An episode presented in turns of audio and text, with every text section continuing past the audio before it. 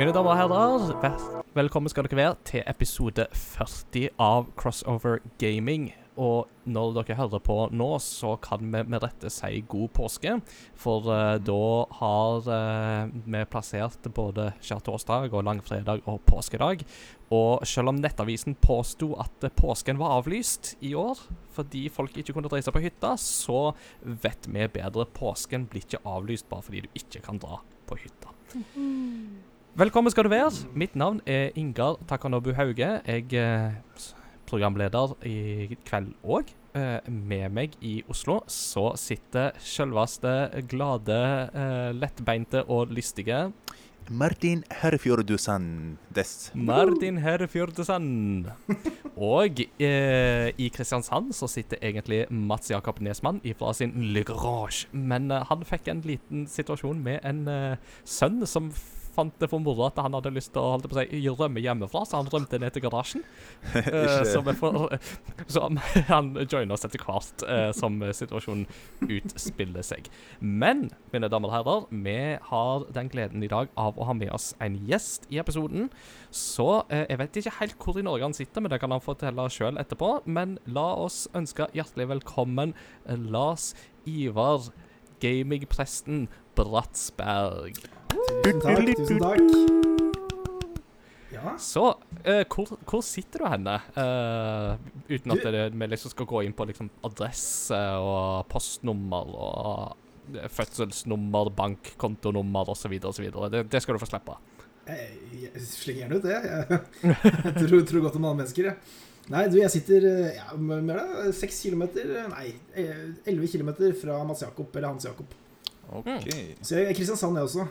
Ja, riktig. Så dere kunne hatt det i samme, samme, samme stue, dere, egentlig. Ja, vi kan fort bli bestevenner, har jeg tenkt etter, Mm. etter denne Nei. episoden. Ja, Vi kunne Nice. sittet i samme stue, ja. Det kunne vi. Eh, Så prøv, ja, nå er det koronatimes, så nå er det jo maks to meter, da. Men eh, vi kunne vært nærmere enn det vi er i dag. Smart. Mm. Vi får se en dag i framtida, så kan det absolutt bli aktuelt. Eh, velkommen skal du være. Du skal få lov å presentere deg sjøl veldig omfattende i del to, men vil du bare gi en sånn kort eh, hvem du er? Kort hvem jeg er. Jeg er 29 år eh, og et halvt, som, som han på fem sier. Eh, Viktig med det halve. Ja, viktig med et halvt år. Det er, eh, også er jeg gift med Maria. Eh, Vi har to barn, Markus og Mathias, på to og fem. Og så jobber jeg som prest i halv stilling i Juste kirke her i Kristiansand. Og så er jeg ungdomsrådgiver for biskopen i halv stilling i Agder og Telemark. Så jeg har jobbet med ungdomsarbeid i ulike sammenhenger, ulike kirker og ditt og datt i ti år nå, tror jeg. Mm. Og nå har vi startet eh, Gamingpresten, som er et sånt prosjekt vi gjør sammen med Damaris Norge. Mm. Det er meg i korte trekk. Ja. Ja. Og Damaris Norge er da i korte trekk, for de av våre lyttere som ikke er så kjent med hvem de er, så er kort fortalt så kan vi vel si at de jobber veldig med dette som har med populærkulturelle uttrykk og trosspørsmål å gjøre. Uh, det blir vel en sånn fin kort Ja, oppsummering av hvem de er. Ja. De, er, de er bak i kulissene på mye som skjer. Det er sant. Mm. Eh, de har jo òg en finger med i Tro og Media, som jo vi fikk stipend av eh, i fjor, og som vi er veldig takknemlige for, for det har hjulpet oss godt i gang med podkasten. Så bra.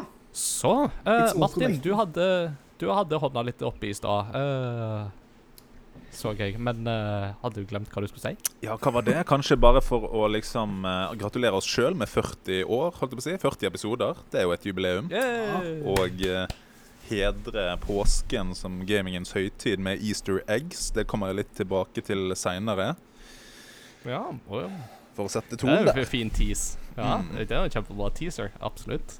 Uh, ja, nei, eh, det er klart at dette er jo gaminghøytiden for eh, for de fleste av oss. Uh, og mange skulle jo gjerne reist på The Gathering òg, men uh, The Gathering er jo som veldig mye annet avlyst. Uh, Iallfall sånn i vanlig forstand. Men folk blir jo oppfordret til å på en måte klare på en måte skape seg digitale fellesskap. Og det er jo vi gamere relativt vant med, så det tror jeg at eh, vi skal klare. Uh, ellers så håper jeg jo at dette blir eh, en episode der dere får litt uh, påfyll òg. er det noe sånn kjapt, kort vi skulle ha slengt ut til, til lytterne våre før vi går i gang? Vi kan jo f.eks. nevne Discord-quizen som går akkurat nå. Mhm. I vår Discord-kanal. Eh, hvis du blir Eller Discord-server, hvis du blir med der, så er det nå eh, daglige quizer eh, mandag til lørdag. Ti kjappe spillrelaterte spørsmål som dere kan prøve dere på fra Yours Truly. Eh, og noen spørsmål er veldig lette, og andre spørsmål er helt umulige. Eh, litt sånn som det skal være. Eh, har du pusla med noe sist, sist, Martin, som du vil dele kort? Du, det blir jo mye sånn digital uh, henging uh, av det som skjer. Jeg har faktisk uh, vært ute i skogen og hatt en del turer med bål og pølsegrilling som kan anbefales IRL, faktisk. For de som har hørt om mm. The Real World. men ellers har det blitt veldig koselige hangouts på Discord, bl.a. i Crossover Gaming og bl.a. Nostalgi Wow Gaming med bl.a. Kjetil Austad. Kjetil! Kjetil? Ja, ja, Kjenner du han, eh, Lars? Altså, Jeg gikk på videregående sammen med Kjetil Austad. Han var min russ. Ja, Han er jo legende. Uh, han Ja, det er enig. Det er enig. Uh, veldig glad i Kjetil. Han kunne Og vi var på sånn prestesamling sammen også. Han er jo på en måte Kjetil er jo en uerklært gaming-prest, mens du er en erklært gaming-prest, da. Ja, det er sant, det.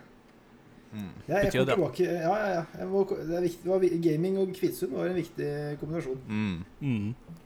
Den, har, den, har, jeg skjønt har eh, Det var et godt miljø for det, for, for det som har forma mange. Godt miljø og dårlig nett. som har prega internatskoler i det ganske land i ganske mange år. Ja. Oh, yes. Oh, yes. Uh, du da, Lars Ivars, har du noe kort uh, sånn i det siste som du vil dele med lytterne før vi går i gang? Åh, jeg har alltid mye på hjertet. Bare sortere kjapt ut hva, hva det kan være. Av, av spillaktuelle ting så har det vært fryktelig mye Minecraft, da. Det må jeg si. Mm. Um, det har vært Ja, jeg skal snakke litt mer om etterpå, da, men det har vært veldig gøy å se hvor um, hvor mange i ungdomsarbeid som, og rundt omkring som syns sånt er artig.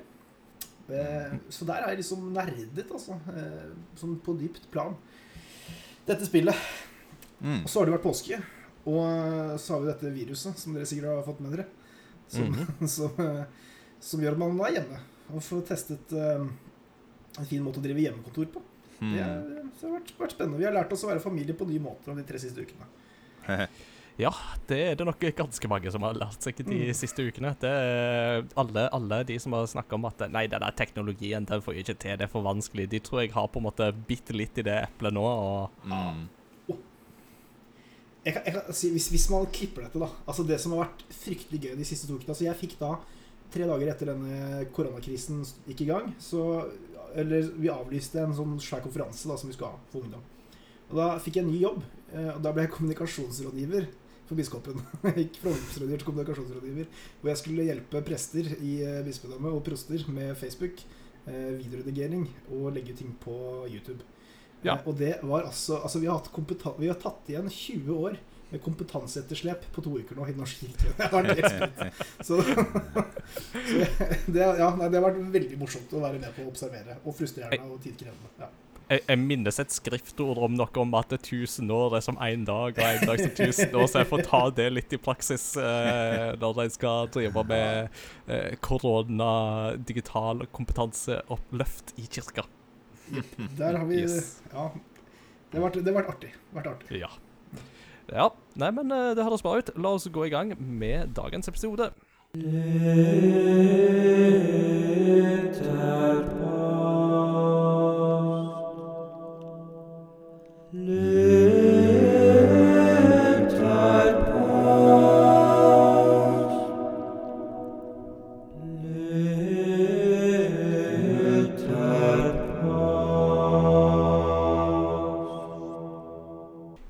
Lytterpostsegmentet så skal vi høre fra våre lesere, og, eller lesere blir jo litt feil, men våre lyttere, eh, som skriver sine svar på spørsmål vi stiller de. Eh, og det er da spørsmål som vi stiller både i Discord-serveren vår, men òg da på vår Facebook-side. Og denne gangen så har vi egentlig bare spurt kort og greit hva skal du spille i påsken?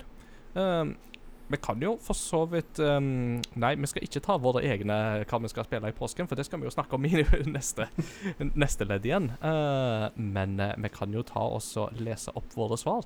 Så uh, Nå vet jeg ikke, Lars Ivar, om du har funnet deg ett til to dedikerte svar å lese. Men hvis du ikke har det, så kan jo Martin f.eks. begynne med de som han har funnet. eller den første av de han har funnet. Ja, jeg eh, så et eh, veldig fint navn eh, inne på Facebook-kommentargruppen.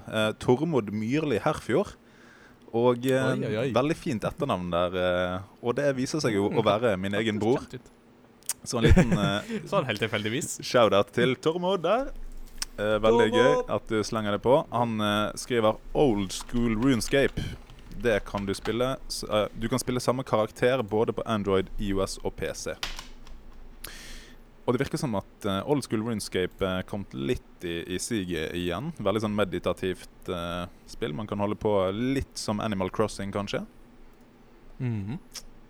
Ja, det er sant Det der runescape-greiene, det er sånn Nå, nå hørtes jeg veldig gammel ut når jeg kalte det for runescape-greier, men det er sånn det, det, er jo noe som hele tida jeg føler er sånn folk poppe inn liksom runescape, runescape og CD, det. er en sånn veldig stor greie. Men jeg har aldri helt klart å komme inn i det sjøl, altså. Så respekt til de som, uh, som holder på den. Mm. Det, jeg tipper jeg har ganske mange spillpreferanser sjøl som folk er bare litt sånn Hva, hva er det for noe? Så jeg, jeg, tipper ikke Jeg vet mm. at det er tilfellet. Mm. Lars Ivar, har du uh, noe svar som du syns utmerker seg? Eh, ja. ja. Jeg syns eh, Nå vet jeg ikke om du sikkert sier har valgt samme.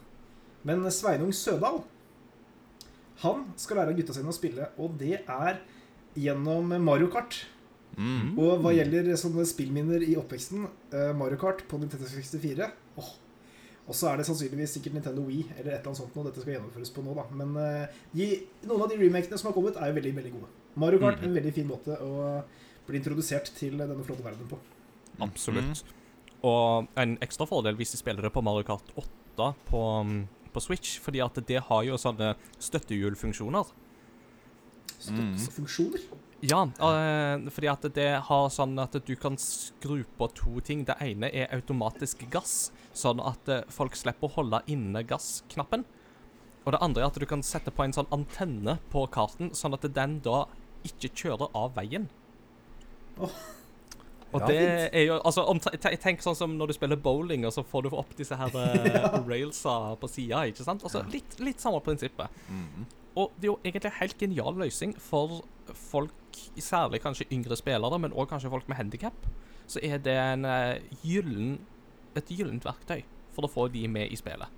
Og det er jo si. veldig fint for deg da, Ingar, at uh, dette tilbudet fins, sånn at uh, du òg kan bli med og konkurrere i ja, Ja, du vet, jeg er, jeg, har, jeg, er sånn, eh, jeg er, sånn, jeg skal ut i fjøra og råne!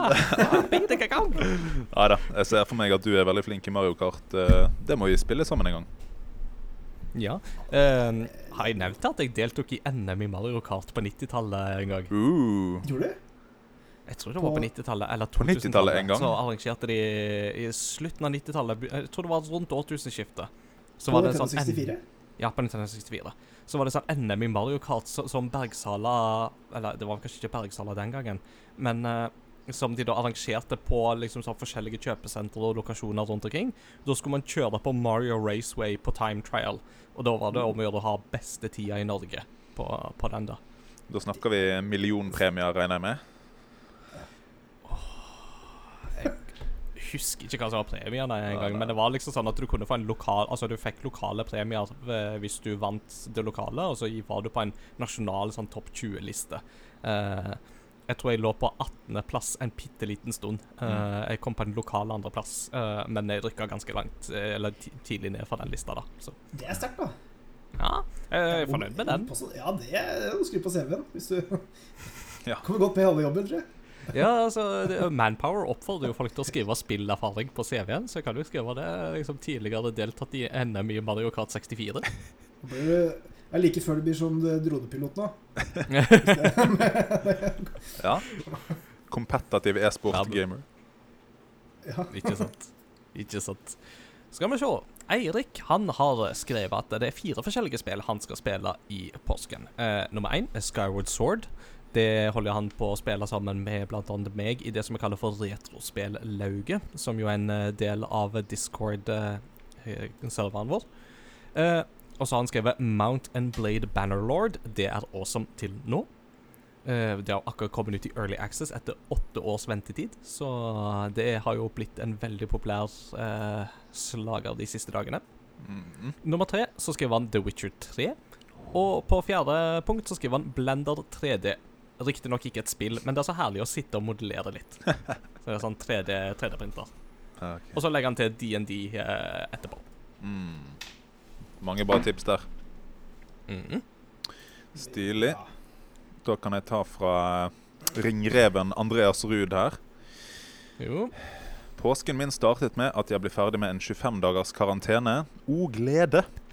Og den vil nok spillmessig inneholde litt mer Call of Duty, litt mer Red Dead Redemption 2, litt mer League of Legends.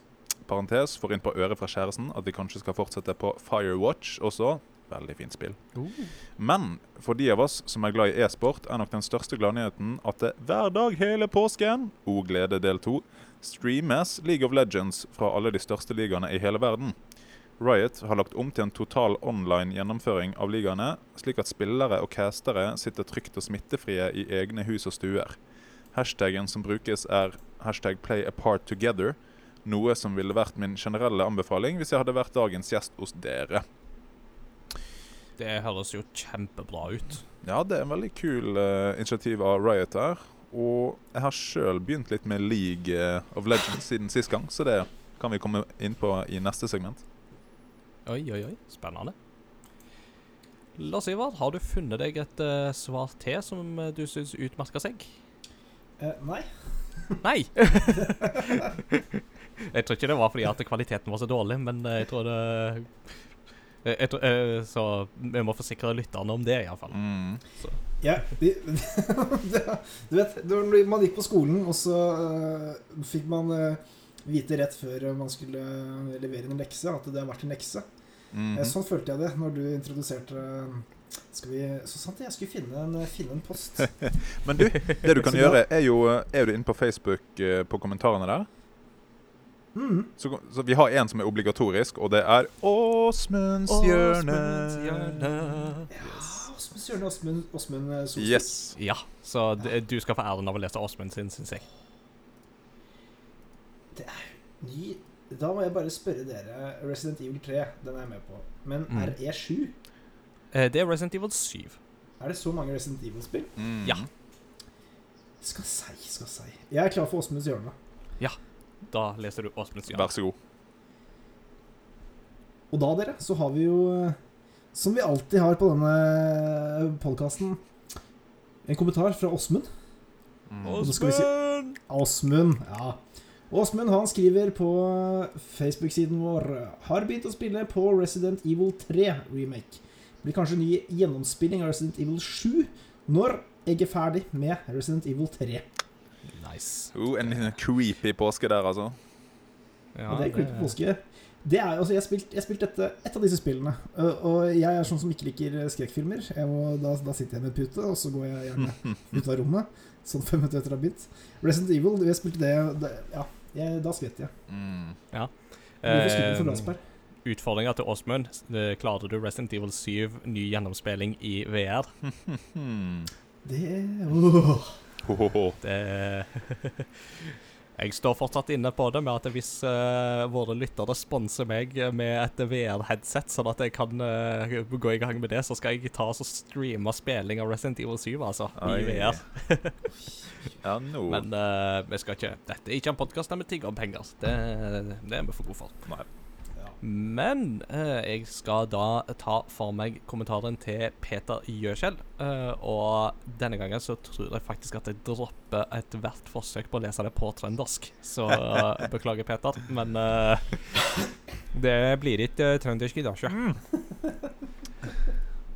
Men Peter han skriver Overwatch, Call of Duty, Prey eller Watchdogs. Kom gjerne med hvilket jeg bør starte med. Og så vurderer jeg å ta en ny runde The Witcher 3. Eh, han, eh, da kommenterte jo jeg at eh, Jeg har ikke spilt Watchdogs 2, men av Watchdogs 1 og Prey så var Prey et mye bedre valg, uh, syns jeg. Det var et en mye gøyere spilleopplevelse. Så for et par dager siden så fikk jeg et, et bilde av han der han hadde begynt på Prey. Så da vet jeg det. Kult. Mhm. Kult, kult, kult.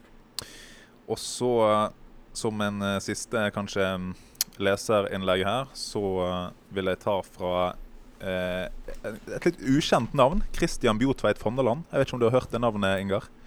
Kanskje en ny lytter? Jeg vet ikke om eh, jeg helt har hørt Odyssey.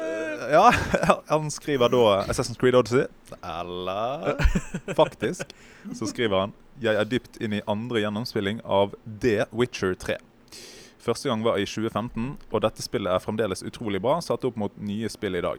Kan vi nå si at dette nærmer seg tittelen tidløs klassiker? Ser ikke for meg at law, karakterbygging, dype quest osv. går ut på dato, nemlig.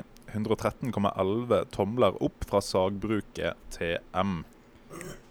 113 tomler, det var veldig spesifikt. Og hvor mange stakkars landsbyboere i The Witcher har han kappa tomlene av da, lurer jeg på. Ja, Og hvem var det han bomma litt på? jeg vil sjøl gi eh, 1337 tomler opp. Ja, veldig lit, veldig lit. Det hørtes bra ut. Nei, det høres ut som folk har en eh, god og innholdsrik spillepåske foran seg. Mhm. Skal si, skal si. Yes. All right, da har vi hørt ifra våre lyttere, og de har fortalt hva de skal spille i påsken. Og da er det jo på tide for oss å fortelle hva vi har spilt i det siste. Eh, som jo da blir jo for lytterne hva vi har spilt i påsken. Uh, Lars Iver, uh, du kan Ja. jo få lov å begynne hvis du er klar. Siden du jo tross alt er gjest, så syns jeg jo at eh, du skal få lov å begynne og fortelle litt hva du har spilt i det siste. Tusen takk skal du ha. Mm. Du, jeg har, jeg har, jeg har spilt så mye som to spill. Uh, ja. To Tell us both of them. Hæ? Tell Ja, us both of them. I sincerely will do so. Eh, Det ene spillet, det for de av dere som har kikket innom denne YouTube-kanalen som vi har startet, så er jo første sesong som vi gjør der, er jo Minecraft. Så det har det vært, eh, vært gått mye tid til. Mhm. Eh, Jeg skal vel kanskje snakke mer om det senere, hvis jeg ikke tar helt feil. Mhm. Nei, skal jeg, ut, jeg trenger ikke utbrodere dette spillet nå, men det, der er det Ja, jeg er en sånn uh, halvveis teknisk Red Zone-spiller, så da går det mye til det. Og så har jeg børstet støvet av uh, et av mine favorittspill gjennom tidene. Eh, Age of Empires 2 Åh. på Steam. Mm. Eh, mye, mye av videregående-tiden gikk med på å lære seg alt mulig av taktikker eh, i Age of Empires 2. Mm. For så å spille på lokalt nett. Eh, og så tenkte jeg nå må jeg se åssen jeg ligger an. Mm. Klarer jeg å vinne en 1 mot 1-kamp nå eh, på Steam? Og det klarte jeg. Yay! Hei, hei, hei. Ja, da, takk, takk. Jeg kjente da Det sitter fortsatt sånn halvveis. og Det var fryktelig artig. Eh, ikke noe sånn campaigns eller noe som helst sånt. da Det er, eh, altså, ja, Vi spiller, spiller på nettet. Deathmatch, som det så het i sin tid. Mm. Nice. Er det, spørsmålet da er jo eh, Var det Age of Empires som fikk deg til å gå inn i presteyrket, med prestene som står vololo? Vololo. Vololo, ja, ja. Nei, det- ja, si, nei, det var ikke det. Det, det har hendt på gudstjenester at jeg har hatt lyst til å si det. Uh, nåde var, uh, I stedet for nådehilsen vololo, og se hvor mange som egentlig skjønner den vitsen. Fikk ikke hadde slått han. Eh, det hadde vært litt artig, da. Ja, Eh, altså du kan jo Ja. eh, Sorry. eh, men altså Hokus pokus kommer jo av Ja. nettopp noe sant, ikke sant? Fordi at det kommer jo av det latinske hoc est corpus. Dette er legeme. Eh, som da prestene sa litt fort når de skulle dele ut nattverden til uh, mange, og på latin, som jo folk ikke nødvendigvis skjønte, så ble det vel veldig fort sånn hokus corpus, hokus corpus, hokus pokus, hokus pokus. Uh, og derav har vi hokus pokus. Oi, oi, oi. Det hadde vært, Den er fin. det hadde vært fin synes da. Vololo og hokus pokus Ja, ikke sant? Ja. Nei, det har vært, men det har da vært spillene. Og så klart, jo, jo. Og så er det jo Jeg er jo en Fifa-spiller og har spilt de aller fleste Fifa-utgavene siden du kunne scoret fra hjørneflagget på Fifa 98 eller hva det var, Mm. på PlayStation 1. Riktig, Så vi har også gått Kommer en, en sesong med det også på gamingpressen etter hvert. Er det da Nice. Ultimate Team det går i? Da er det Ultimate Team. Bygge et lag uten å bruke points, er konseptet. Yeah.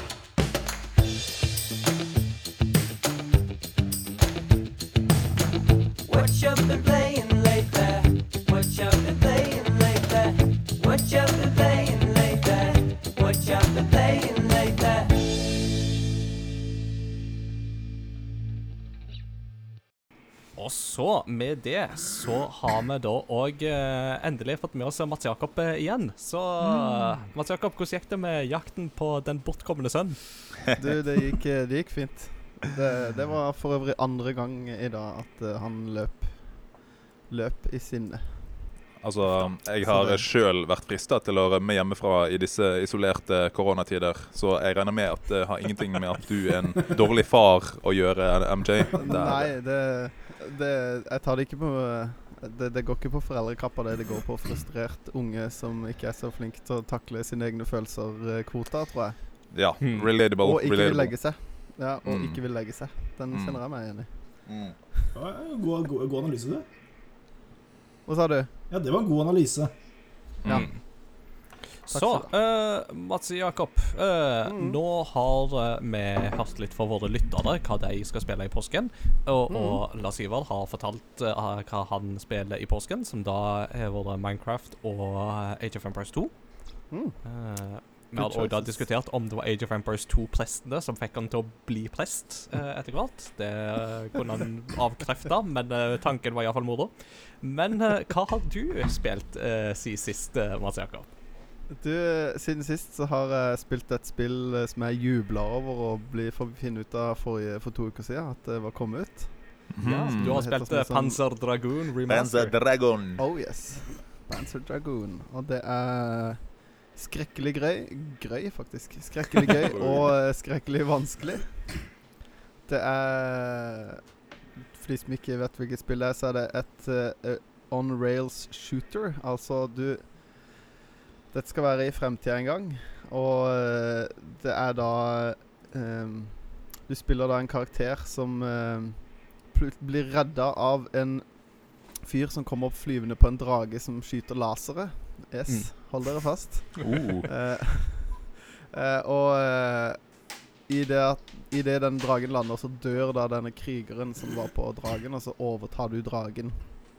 Og så kjemper du mot sånn alien uh, bugs-aktig ting.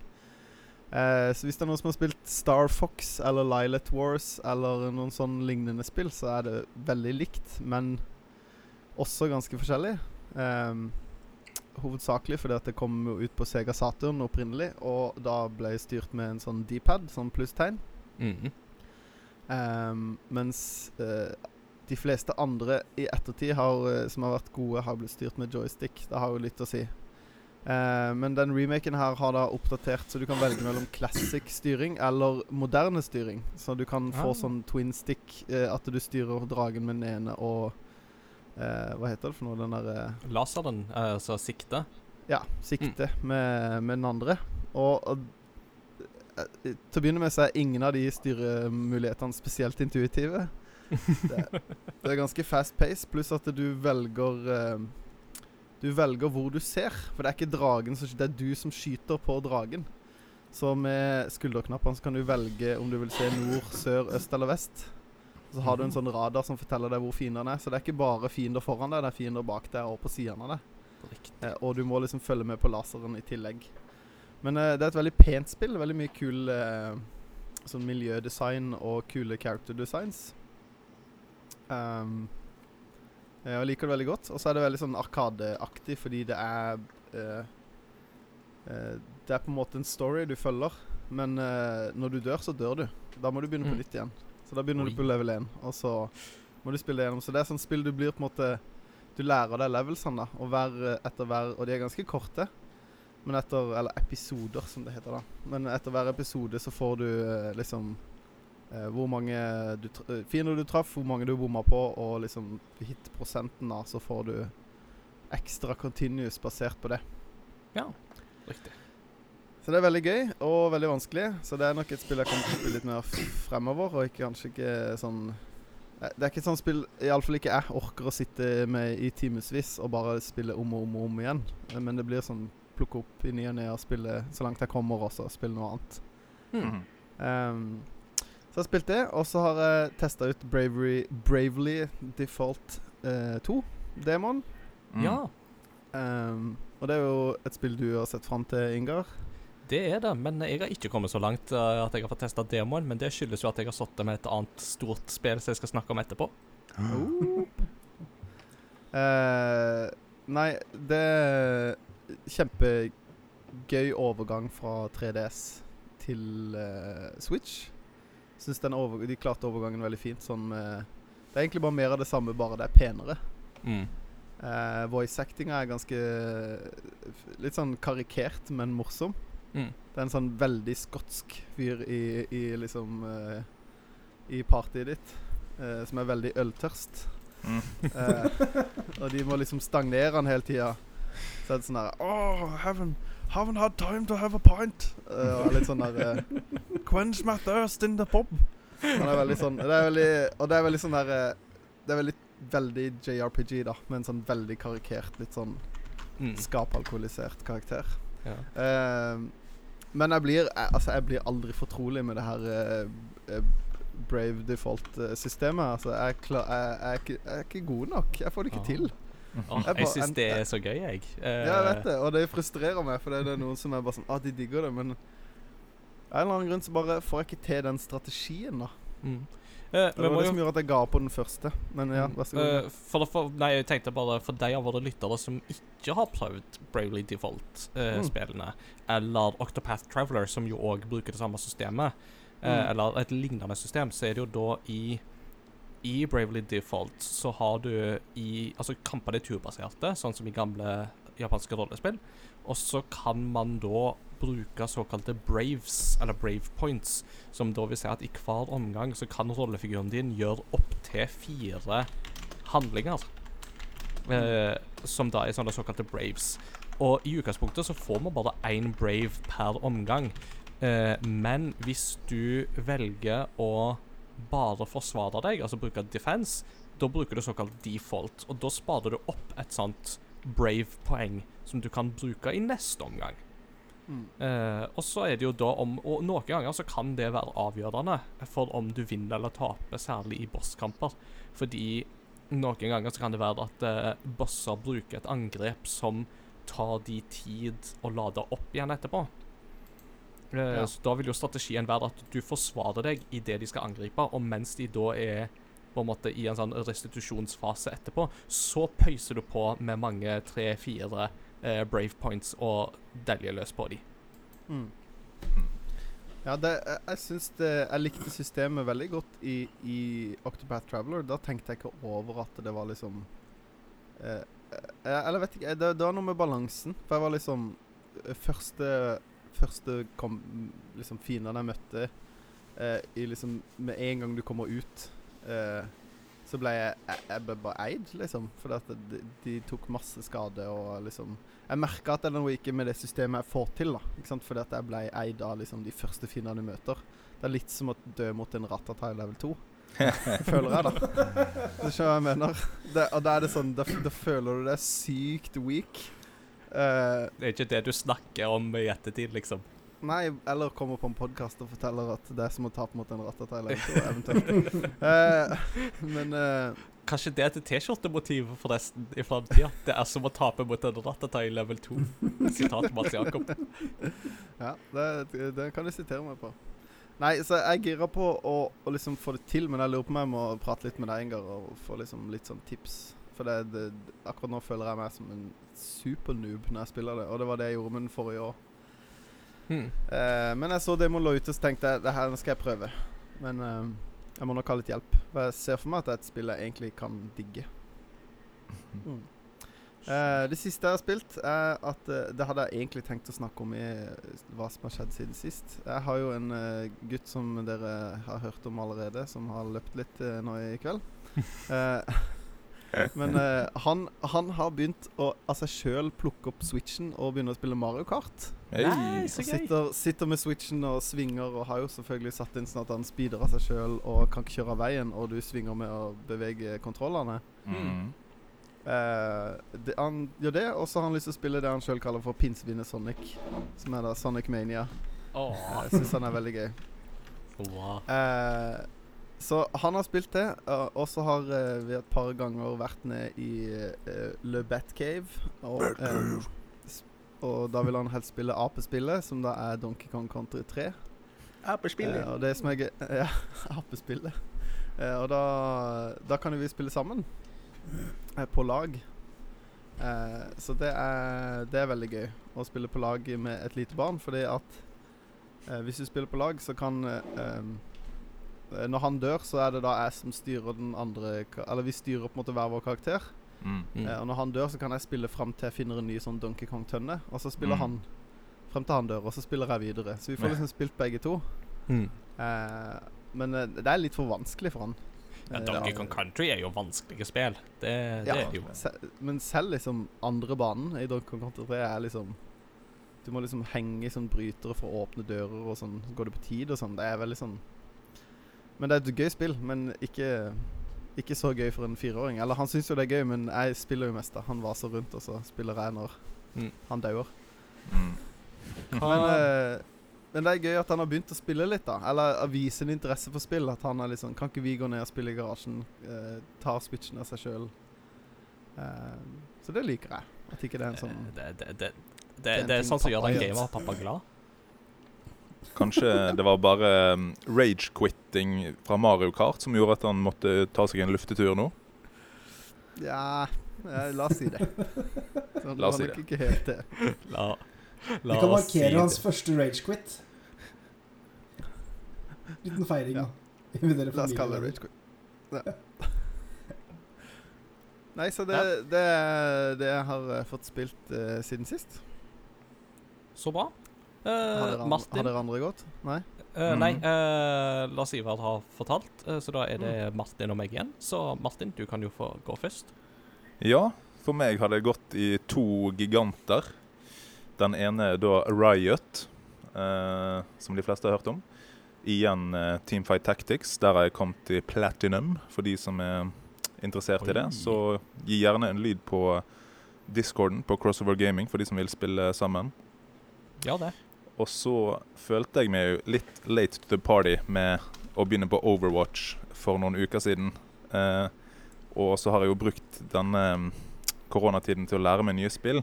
Og jeg følte meg i hvert fall late to the party når jeg begynte med League of Legends. Der er det så mange heroes å holde styr på. Um, men jeg begynner å få taket på det etter hvert. Um, Andreas Ruud, ta gjerne kontakt for en liten guidance der. Um, så det ene er Riot, det andre er da Blizzard. Um, hatt litt nostalgi-gaming wow med Kjetil Austad og Benjamin Sævrås, som du kjenner, eh, Lars, kanskje? Ja, ja, ja, ja. Ja, ja. Um, og det som det soleklart har gått mest i, er jo Heartstone. I fare for å få Odyssey-memen til Christian inn på Heartstone. Så eh, har det jo nå kommet ny expansion for første gang i Heartstone sin historie. En ny class. Ja, Demon. Hunter. Demon Hunter, ja. Yes. Og det er jo én rekord, at det var første nye classen, Og den var så overpowered at den har satt en ny rekord, som er raskest nerf. På sånn eh, 24 timer så måtte de nerfe det, for det ble for eh, kraftige kort, rett og slett. Men jeg eh, koste meg jo og, og utnytta overpoweredheten og ble liksom rett under legend, da. Um, så um, man kan jo sette spørsmålstegn med de som tester eh, metaen før det slippes. Men um, veldig kjekt å utnytte overpoweredheten, i hvert fall. Hmm. Stilig. Det er gøy å høre Ikke minst om Teamfight Tactics syns jeg er litt gøy å høre, siden det er såpass nytt. Altså, er det i Altså, er det i type beta, early access, noe sånt? For det er vel ikke sånn lansert-lansert, er det det? Eller hvordan er det? Jeg tror det er ute av beta, i hvert fall i sesong tre, Galaxies. Så, Ja, ok, ja, men da er det sikkert ute. Det, men den som Heartstone sin uh, autobattler, uh, Battlegrounds, den sier de fortsatt er i beta. Riktig. Da er det sikkert der jeg eh, har blanda. Tipper jeg. All right, Martin. Takk til deg. Eh, er det min tur, da? Kanskje? Det er din tur. Mhm. Ja. Eh, det går fortsatt i Ring Fit Adventure for å holde meg eh, litt i bevegelse. Det funker veldig bra. Planen har vært å gå ned i Call on me, call on me. Du har vel på den i bakgrunnen? Ja, ja, alltid. Alltid. Mm. Eh, det, det, nei. Nei, nei, nei. Jeg har på 'Call Me Maybe'. Det er greit. Call me maybe. Ja, ja, ja. Nei, Full spandex og Mhm. Nei, men uh, i forhold til Ring Fit Adventure så er det jo verdt å nevne at de har fått en sånn her um, rytmespillfunksjonalitet uh, med sånn musikk og sånt, der du skal bøye og tøye til musikk. Uh, og da blant annet uh, musikken fra Super Mario Odyssey, Splatoon 2, Breath of the, Breath of the Wild osv. Det er ikke så artig, men det er liksom en liten ekstra bonus. Eh, Eh, Apropos Ring Fit, så du eh, Har du sett videoen av de som har modda det så du kan spille Dark Souls 3 med Ring Fit Adventure-kontrollen? Det så jeg. Det ser så hardt ut. Alt skal moddes. Da får du trent, altså. Så det, Alt det er som sånn- moddes kan, moddes skal. Mm. Et alternativt navn til denne her bodybuilding eh, dragon-bossen bør jo være Panzer Dragon, da, faktisk. Mm. Ja. Speaking of which Hadde ikke vært en dum idé, det. Nei, men uh, det største spillet som jeg har spilt, uh, det er jo intet ringere enn Final Fantasy 7 Remake, som jeg jo da har anmeldt for Game Reactor. Du har fått et det fysisk fikk jeg, kopi. eh, Det fikk jeg tidlig tilgang på. Eh, men det fikk jo veldig mange andre òg, iallfall hvis de gikk og kjøpte seg fysiske eksemplarer av spillet. For at eh, Square Enix var liksom litt sånn til å begynne med at uh, folk som har bestilt det fysisk, får det kanskje litt for seint. OK, vi prøver å sende det ut litt tidlig, så folk får det tidlig i stedet. Og så har det heller blitt til at folk får tak i det mye tidligere. Men ikke de som spiller digitalt. De må fortsatt eh, vente til eh, langfredag for å spille. Det syns jeg er veldig rart at de har venta med digital eh, release når det er så mange som har fått eh, fysisk eh, kopi. Og da tenker jeg bare at de taper på digitale salg, for det er jo det utgiveren tjener mest på. Ja, men det er nå sånn det en gang er, tenker jeg. Det, eh, og ofte så er det jo motsatt, ikke sant? At de som bestiller fysiske eksemplar, kanskje havner et par dager bakpå de som bestiller digitalt. Så det er jo godt å få det bytta litt om. Ja. Så Final Fantasy 7 Remake er jo ingen småtteri, for å si det sånn. Det er jo Mm. en av de mest etterlengta titlene i år, by far. Eh, og er det bra? Ja, når det er bra, så er det bra. Mm. Men det har noen issues. Uh, Mm. Så uh, la oss ta dette litt sånn fra toppen. Da. Um, det audiovisuelle uttrykket er jo fantastisk. Det er så gøy å se Midgard fra Final Fantasy 7 i all sin prakt. I, med alt det Unreal Engine 4 kan få til. Lyssetting og sånt er så bra. Og nyinnspillinger av musikken og sånt er jo Altså, det er jo et tidløst, fantastisk soundtrack de har å operere med. Eh, og de kjente og kjære rollefigurene fra det originale spillet eh, Det å få på en måte mer kjøtt på beina på deg, og det å se deg i full aksjon og få mer historie relatert til deg, det er veldig spennende. altså. Det, det er ingen tvil om det. Eh, Så det er mange øyeblikk der du bare sitter og bare har litt sånn Åh, dette, dette er chills, altså. Uh, og kampsystemet, det nye kampsystemet, vil jeg si fungerer veldig bra. Um, det som er litt gøy, er at uh, uh, du har fortsatt dette systemet med at du bruker materia, som det heter, i våpen. Uh, for å lære deg magi og diverse triks og sånne ting. Uh, men selve kampene er jo mer litt sånn action-RPG, snarere enn mer sånn turbasert, uh, sånn som man hadde i det originale. Eh, det som er litt sånn kult twist, er at de har klart å på en måte gjøre litt sånn Dark Souls-preg på det, med at eh, du har en dedikert knapp for fysisk angrep, du har en dedikert, dedikert knapp for blokk, og for unnamanøvre. Eh, og noen ganger så er det unnamanøvre som skal til for å gjøre fienden litt sånn fortumla. Og de bruker òg da eh, et eh, de har, Alle fiender har et helsemeter, og så har de et annet meter unna som indikerer om de er pressured. Og hvis det meteret fylles opp, så blir de staggered. Og da vil jeg si at da er de helt fortumla, da kan du virkelig pøse på. Det var jo noe de først introduserte i Final Fantasy 13, eh, og som fungerer veldig bra når de inkluderer det nå. Eh, så selv om folk vil heller ha det gamle systemet, så sier jeg at eh, bare prøv det ut, fordi at når kampene virkelig på en måte står på, og du mestrer det systemet, så er det kjempegøy, altså. Men uh, det har noen issues, dette spillet her. Uh, Mm. Og det første issuet er jo det vi egentlig på en måte alltid har vært klar over.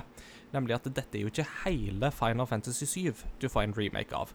Det er kun startdelen, det som foregår i Midgard, denne byen der eh, Final Fantasy 7 begynner. Og i det originale spillet så er ikke det mer enn en fire-fem timer, kanskje seks timer langt. Her så snakker vi minst 35 timer, og øh, kanskje enda mer enn det òg. Og da blir problemet litt sånn som med Hobbiten. Eh, Hobbiten er en kjempebra bok, eh, som liksom det, det var godt nok grunnlag i Hobbiten for å lage én lang film, kanskje til og med to lange filmer. Men å lage tre veldig lange filmer, det er ikke Hobbiten stor nok til. Og med Hobbiten-filmene så var det jo sånn at da måtte de legge til masse ekstra stoff, men det stoffet som de la til, var jo ikke så bra. Og litt av det samme merker du her òg. Eh, det er mye ekstra historier og ekstra stoff og fyllmateriale som de legger til. Og veldig mye av det de legger til, er rett og slett ikke så bra. Det er mange ting med storyen og sånt som de tviker på og legger til nye elementer, og noe av det går ifra å være er sånn OK, dette hadde du ikke trengt å ta med, til OK, den rollefiguren var bare teit, til OK, dette var helt absurd. Hvorfor gjorde dere dette? Eh, så der vil nok folk stride seg litt. Og spørsmålet er jo vil du merke det hvis du ikke har spilt Final Fantasy 7 før. Jeg vet ikke. Det er vanskelig å si, men jeg håper kanskje at du klarer å skille klinten fra hveten her og faktisk merke på en måte hva som er originalt gull, og hva som er nytt gråstein. Føler du på en måte at de melker kua litt, eller er det litt sånn eh, Absolutt. Uh, Ja. min, min tanke er at uh, altså det er jo Tetsuya Nomura som uh, er leder for dette remake-prosjektet. Og Nomura er jo mest kjent for å være mannen som har ledet Kingdom Hearts-serien. Og den serien har jo dratt ut i det videre breie med alle mulige slags eh, spin-offs her og der og sånne ting. Men nå er jo Kingdom Hearts ferdig, så hva skal Nomura gjøre da? Jo, jeg er litt redd for at han skal gjøre Final samme med Final Fantasy 7. Mm. Eh, Ja. Det er litt tendenser her som indikerer at uh, Final Fantasy 7 remake-prosjektet, som vi jo ikke aner hvor langt sk- skal bli, kan gå for noe av det samme. Mm. ja, Og så at er det skal skal ja, ta kjempelang tid før det siste spillet kommer òg, eller? Ja, det blir sikkert sånn 23 år til det siste spillet ute, tipper jeg. Noe sånt. uh, ellers så er det jo òg litt problem at dette spillet Altså, Midgard er jo òg den mest lineære delen av Final Fantasy 7. Og det gjør jo òg at dette spillet er faktisk veldig lineært. Så når du på en måte koker det ned, så er det litt sånn du, Det er veldig mange korridorer du går i. Og det er ikke så spennende, altså. Uh, og så får du noen områder som er litt mer åpne, og da tenker du yes, her er det masse jeg kan finne på. Men det er litt tynt med materiale, altså. Og det er veldig lite levende. Og det som er litt sånn interessant, er at uh, rett før jeg satte meg ned med dette, så spilte jeg jo ferdig Yakuza 0. Og Yakuza-serien er jo eksperter på det å lage små, kompakte områder med tonnevis med innhold. Mm. Uh, og når du da på en måte sitter og tenker at det, det, hadde de gjort noe av det samme med Midgard, så Mm. hadde Final Fantasy 7 Remake blitt veldig kult. Mm. Men det gjør det ikke. Og det er Mm. litt forspilt sjanse. Ja. Og, og så er det litt tekniske issues her og der. Det er f.eks. teksturer som ikke lastes inn før det har gått sånn tre-fire sekunder. Sånn, sånn at det først så ser du på en grå, flat PlayStation 2-vegg, og så plutselig så får du en masse detaljer. Mm. Ja. OK. Min uh, eneste kritikk til uh, Final Fantasy 7-remaken er jo at jeg syns det er ganske dårlig remade, det her med disse klumpete armene og beina. De, de har ikke fått uh, like klumpete i den moderne versjonen, altså. sant, sant nok, men taggete hår på Cloud, det, det har de. Det har de. Mm. Og det skal jo sies at det å se de klassiske rollefigurene i sånn en levende drakt, det er noe magisk ved det. Uh, og dette er ikke ofte jeg gjør altså, men uh, jeg, skal anbefale en konkurrerende anmeldelse. Men uh, jeg elsker Gamer sin anmeldelse av spillet, for at han torde å på en måte si veldig som sant var liksom at noe av det de bare slengte inn, det er tull og ball og elendighet. uh, men han snakket jo òg om at uh, han elsker hvor bra Erith kommer til live. Det er sånn Mm. du, du, du, Hun sjarmerer deg i senk Mm. i den nye versjonen. Og det er noen sånne ting som bare er så bra laga i dette spillet.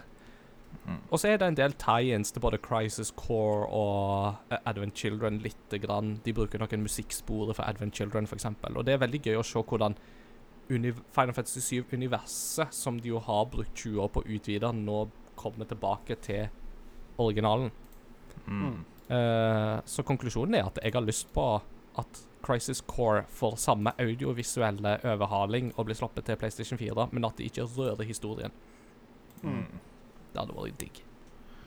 Det virker jo litt som at de appellerer først og fremst til de som har spilt eh, Final Fantasy, eller har et forhold til sjueren, og så er holder ikke det helt standarden til de moderne Triple A-spillene som God of War, um, Red Dead 2 osv.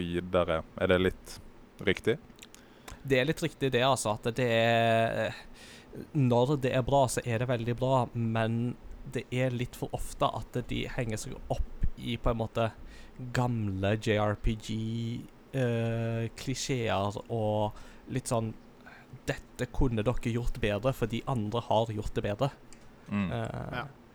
eh, Christian nevnte jo i en episode noe om dette her med eh, et punkt i Red Dead Redemption 2 som jo imponerte han, var jo da han tok en sånn luftballong høyt opp til værs, og du så på en måte hele landskapet, og alt var på en måte rendra. uh, fortsatt, Mm. altså du kunne på en måte se absolutt alt. Uh, I Final Fantasy 7 så er det sånn Det er et punkt, eller et par punkter der du er ganske høyt oppe, og så ser du ned på slummen. Og når du ser ned, så er det helt flate bilder du ser på. Det er som å se disse gamle pre-rendered backgrounds fra originalen. Nei. Åh, Og trist. der satt jeg og tenkte at eh, Red Dead klarte det der. Ja. Det skulle dere òg ha klart. ja. Så min uh, anmeldelse landa på en syv av ti. Ehm, det er mye gøy å hente, men det er litt sånn når alt kommer til alt Det var ikke helt dette jeg hadde håpa på, altså. Mm. Men uh, fortsatt så var det nok av øyeblikk som jeg koste meg med. eh, og jeg er veldig glad for den muligheten til å anmelde det, så det var alltid. Syv av ti er jo ikke en skuffet mann, er det det? Syv av ti Nei, altså syv av ti er fortsatt en bra innafor karakter. Det er det jo absolutt. Men uh, jeg hadde jo absolutt på en måte eh, For å si det sånn, når det er bra, så er du veldig oppe i på en måte åtte, kanskje til og med ni aspekter og sånt, men så får du noen veldig sånne bunnpunkt igjen seinere. Eh, så jeg tenkte veldig lenge at jeg skulle ønske at jeg kunne sette halve karakterer, for 7,5 hadde egentlig vært veldig passelig. Eh, men så fikk du noen sånne dips uh, ned igjen på bånn uh, etter hvert. som var sånn OK, nei, syv. Det, jeg er helt sikker på det. Mm. Ja. Tøft. Så det var det. Eh, nå, Før podkasten begynte, så begynte jeg på Resident Evil 3, og det kan jeg snakke om i neste episode. For jeg har ikke mer enn noen førsteinntrykk å gå på der. Men det virker bra så langt. Teaser. Så ja, uh, da tar vi en liten pause, og så er vi straks tilbake med del to, der eh, vi skal høre mer om hva gamingpresten er for noe. Teaser. Se hva som himmelsk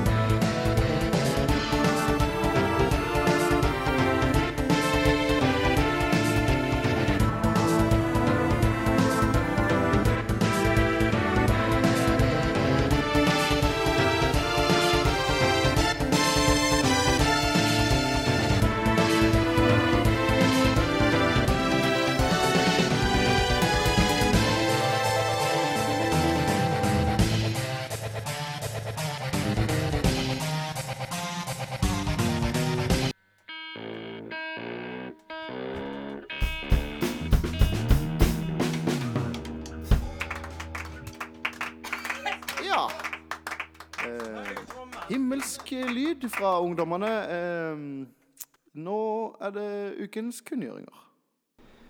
Ja, med litt tunes der fra Final Fantasy 7, så er, det, er vi klare til å gå i gang med ukens kunngjøringer.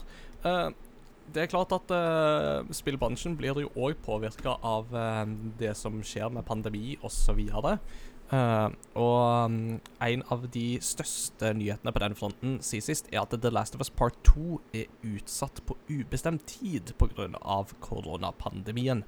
Uh, og det um, De forsikrer oss om at uh, spillet skal fortsatt komme ut på PlayStation 4 og alt, men det er noe med at sånn som situasjonen er nå, så blir det vanskelig å få til den siste finpussen.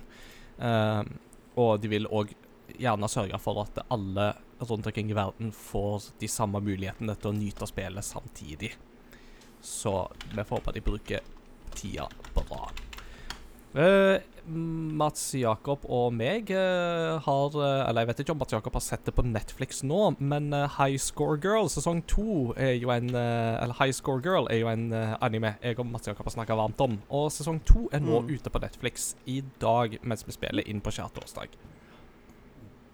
Mm. Så det er bra. Ja, jeg har bare sett den på mystisk og underfullt vis. På mystisk og underfullt vis. Eh, Ja. Veldig bra. Eh, jeg kan eh, anbefale dette to episoder, så lover dette veldig godt så langt. Eh, og så har vi jo òg eh, de par siste dagene fått sett PlayStation 5-håndkontrolleren, som da heter Dual Sense, som da er vist fram. Den er hvit, og den er svart, og litt eh, toner av blått finner vi òg i det hele. Bitte litt større tre meter enn lang også. Bitte litt grann større enn eh, PlayStation 4-håndkontrollen. Uh, og så har den USBC-lader, så det er jo bra. Har vi noen tanker om det vi har sett så langt? Ja, Lars Ivar. Jeg er jo en PlayStation-spiller, uh, i tillegg til uh, mine datating. Men eh, jeg, jeg har jo i hele min sånn konsollkarriere tenkt at kontrollerne til Xbox veldig bra.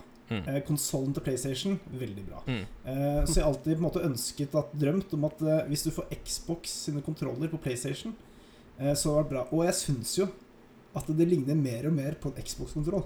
Mm. Mm. Ja, med, disse runde, med disse runde formene. ikke sant? Og nå er jo joystickene er jo der de pleier å være, da. Men det er ikke langt unna en Xbox. Eh, nærmer seg et søksmål, har jeg tenkt. Er det, er det Når så lenge bilen som står på. For, for bilde her nå. Det er ganske likt, altså, syns jeg. Det er det. Men jeg syns, ja. det ser bra ut. da Det betyr at det er bra i mitt hode. Mm. Nei, jeg, jeg syns jo eh, eh, Ja, det er som du sier, jeg er mer fan av den, det designet. Jeg har jo aldri likt PlayStation-kontrollen. Jeg syns PlayStation 4-kontrollen var et steg i riktig retning. Eh, men eh, jeg tror ikke det blir noe søksmål. Det er jo både Wii U og Switch-kontrollen har vært eh, temmelig lik Mm. den Xbox-kontrollen eh, lenge. Mm. Men uh, jeg, jeg har kost meg så mye med alle Folk har jo lagd fiktive skins til de kontrollene. Ja. Jeg har på, det var noen som lagde en Mario-skin. For det er jo de her Det er noen striper som går opp og så over hele liksom fjeset på kontrollen, som ser da Når de ble blå, så ser det ut som bukseselene til Mario. Så de gjorde liksom den delen blå, og så tok de det andre rødt, og så en stor Mario-M-logo i midten. Det var fantastisk morsomt. Mm. Jeg så, Men eh, ja, jeg så noen som hadde laga til med at hvis du da tok værhår på sidene og så et stort glis unna eh, joystickene, så fikk du Totoro. Mm. Og det er sånn cannot unsee. Ja. Nei, og så er det jo overraskende at han er hvit, da. Det er jo liksom den store overraskelsen her. Uh, for vi har jo ikke sett konsollen ennå, men kan dette bety at PlayStation 5 blir uh, i mer i hvittoner enn uh, svarttoner? Jeg gleder meg til eh, passer- den blir litt sånn skitten av alle svettemerkene mine og fingeravtrykkene og chipsspisingen min. Det blir deilig å se mer tydelig. Ja, jeg har, jeg har jo en hvit Wii U gamepad, og den, er- den er ganske Mm. ikke noe, Det er ikke noe særlig. Den er klissete. Den ser klissete ut, den er ikke det. Den bare ser klissete ut. Feilen dere gjør det her, gutter, er at dere, når dere skal spise snacks mens dere gamer, så må dere bruke spisepinner. Ja. Mm. Ja. Vi har mye å lære fra Japan. Eller, bare ikke, eller bare ikke la barn spise, spille på konsollene dine. Det Ja. Uh, si hva du hadde noen kommentar? Ja, det hadde jeg. Men eh, altså, jeg håper, altså, hele lineupen min er jo da basert på svart. Og det er som dere sier, altså, er, da kan jeg, kan jeg ha med frokosten eller lunsjen eller hva enn på mitt setup uten at det syns etterpå. Mm. Men, ja, så jeg ser for meg den i, spesielt i småbarnstid, men altså, nei, jeg skal ikke skylde på småbarn. Det er generelt sett uh, min eh, sånn måte å være på. Da kan jeg ikke ha sånne type hvite ting. Det, det, det syns med en gang. Nei da. Jeg, jeg, jeg kjenner at jeg er ikke sånn utprega fan av hvit eh, PlayStation-design. Mm. Jeg har aldri syntes de hvite PlayStation-konsollene har vært spesielt appellerende. Ja. Eller, Men de har jo òg Ja. bekrefta at denne DualSense-kontrolleren skal ha haptic feedback, eh, og det er jo litt spennende. Eh, det blir jo som Mm. Folk spurte meg er det litt som HD Rumble, så jeg måtte stille det spørsmålet videre, og det var litt sånn Yes, it's HD Rumble, but for your fingers. Altså at det blir på en måte enda mer på en måte feedback basert på dine av, Altså ditt håndtrykk på kontrollen. Uh, Mm. Så eh, ja, det blir jo spennende å se hva de kan utnytte det til. Så det blir det. Det blir gøy. ja. Mm. Time vil show. Time vil show. Yes. Eh, en annen spennende nyhet eh, for eh, alle Switch-eiere er jo det at i år så fyller jo Super Mario 35 år. Eh, det er jo da 35 år siden Super Mario Bros. kom ut, og da har det begynt å versere rykter om en remaster-pakke, eller remaster-versjoner, av gamle Super Mario-spill eh, ja, på Switch. Ho, ho, ho, ho, ho. Og da er jo spørsmålet hva spill ville vi ha hvis, hvis det faktisk viser seg å være tilfellet. Martin, hva, hva ville du helst ha hatt? Altså, hvis vi får det som er rykta om med Mario 64, Sunshine og Galaxy, da er det julaften og påske samtidig, altså. Det, altså, hvis vi får Galaxy spesielt til uh, Switch, med musikken der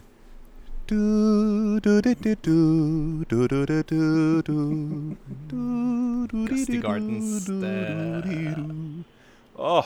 det er så nydelig så sykt bra spill. Ja, det er fantastisk. Mhm. Har du noe eh, foretrukne, Mats Jakob?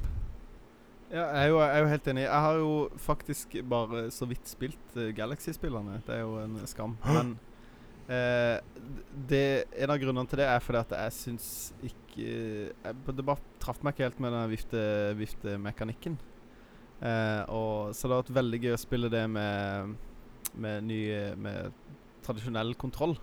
Shame. Um, Shame. også, Shame. men eh, det jeg er mest gira på, er jo en ordentlig, en ordentlig remake. Ikke den der DS-remaken av 64, men en ordentlig remake. Mm. Uh, det hadde vært kjempe, kjempegøy. Og spesielt hvis de hadde klart å liksom Altså, det her er jo skal jeg si, hva skal jeg si, Sky's the limit-drømmer, da. Men det hadde vært kjempegøy hvis de hadde klart å få en del av de her eh, creepypasta og eh, liksom alle disse ryktene og feilinformasjonen som florerte pre-internett om det spillet, inn i spillet med litt sånn Alice Real og alle de her eh, konspirasjonene. Det hadde vært så fett om de hadde gjort noe med det. da Litt sånn som at de gjorde med at Luigi faktisk var med i DS-remaken. Og liksom at de Litt ekstra, men det mest bare liksom en sykt fin grafisk polish, da. Mm. Vi får se. Vi får Det se. hadde vært helt rått. Ja, vi får se. Mm. Hva, Lars Ivers, ditt forhold til Mario-spill sånn generelt, hvordan, hvordan er det? Du, det, det er preget av litt sinne og litt frustrasjon og mye glede. Mhm. Litt sånn som Dark Souls? ja, altså de, de Super Mario-spillene jeg vokste opp med, var jo selvsagt Super Mario Nintendo 64-versjonen. Eh, Mm. Med de glitchene som man fant etter hvert. Mm. Og sånn type ting. Og så ikke minst eh, Mario Kart. Mm. Det er jo store. Eh, og derav sinnet. Det derre å tape på, på oppløpssiden med tidels sekund og varm. Jeg, jeg er litt sånn der, sånn der bob-bob til sånne remakes sånn i det hele tatt. Ja, for jeg syns jo på en måte nostalgien i disse gamle spillene og grafikken i seg sjøl er på en måte gøy å gå tilbake til. da Men klart, hadde de fått til en sånn eh, Blir det en sånn remake à la noe av det som kanskje kom på Golden Eye? Mm. Eh, akkurat samme gameplay, bare ny grafikk-greie. Kanskje kult. Mm. Ja. For det er jo Så ja, jeg er litt sånn uh, blandet spent. Mm. Jeg koser meg fortsatt jeg med å ta fram gamle Nintendo 64-konsollen og så slå opp eh, Super Mario. Mm. Og blåse i den der kassetten før jeg starter og sånn. Mhm. Det er deilig. Martin? Det, det har jo um, vært et spørsmålstegn med hva er det Nintendo kommer til å gjøre etter Animal Crossing. Og da passer jo denne nyheten veldig bra. Hvis ikke det kommer noe Altså Breath of the Wild 2 kommer ikke med det første. Så å ha det her å glede seg til er nok viktig for eh, de som følger Nintendo. Absolutt. Mm. Det tror jeg. Uh, og jeg tenker jo det at en sånn samlepakke hadde vært veldig gull med tanke på uh, å introdusere en ny generasjon med gamere for Mm. de gamle, altså for disse klassikerne. For at uh, uh, sånn som du Lars Ivar sier, så har jo ikke jeg heller problem med å gå tilbake til disse gamle titlene. Uh, men det er det med at de er ikke så tilgjengelige for uh, yngre spillere som bare har en Switch, f.eks. Mm. Uh, og det er jo da jeg tenker at det å kunne sette meg ned med nevøer og nieser, f.eks., og kose meg med Super Mario Galaxy, uh, og liksom oppdage deres glede over det spillet, det hadde vært Mm. gull, altså. Så jeg håper det kan stemme. Mm. Så vi får se. Vi får se. Med tanke på um, det med at um, The Last of Us 2 ble um, avlyst, så kommer vi jo på at um, det betyr at um, da trenger du ikke lenger tenke på hva du skal spille av Xenoblade Chronicles og The Last of Us, for de skulle egentlig Mm. komme samme dag. Så Noe godt kom det ut av det. Ja, for Jeg lurer på én ting angående at de utsatte Last of Us, og det lurer jeg på om er relatert til at vi nå er i en, en eh, epidemi, altså pandemisituasjon. At de er litt sensitive med Altså, det, du har jo en eh, epidemi eller pandemi i The Last of Us. At de er litt sensitive på det, den tematikken. Om det er mye derfor de utsetter. Lurer jeg litt på. Jeg tviler sterkt på det, for da hadde nok muligens Resident Evil 3 blitt, av, altså blitt utsatt òg, av samme eh, årsaker. Mm. Uh, det er klart det kunne vært det, men de sier veldig klart og tydelig at det handler om at det er vanskelig å få koordinert den siste biten med arbeid, sånn som situasjonen er nå. Mm. Eh, så, det er med, så det er praktiske hensyn, sånn sett. Vel, det var dagens eh, kunngjøringer, og da er det på tide for oss å snakke litt om dagens eh, tema. Og da, Lars Ivar, da er det your time to Ja. shine. My time to shine.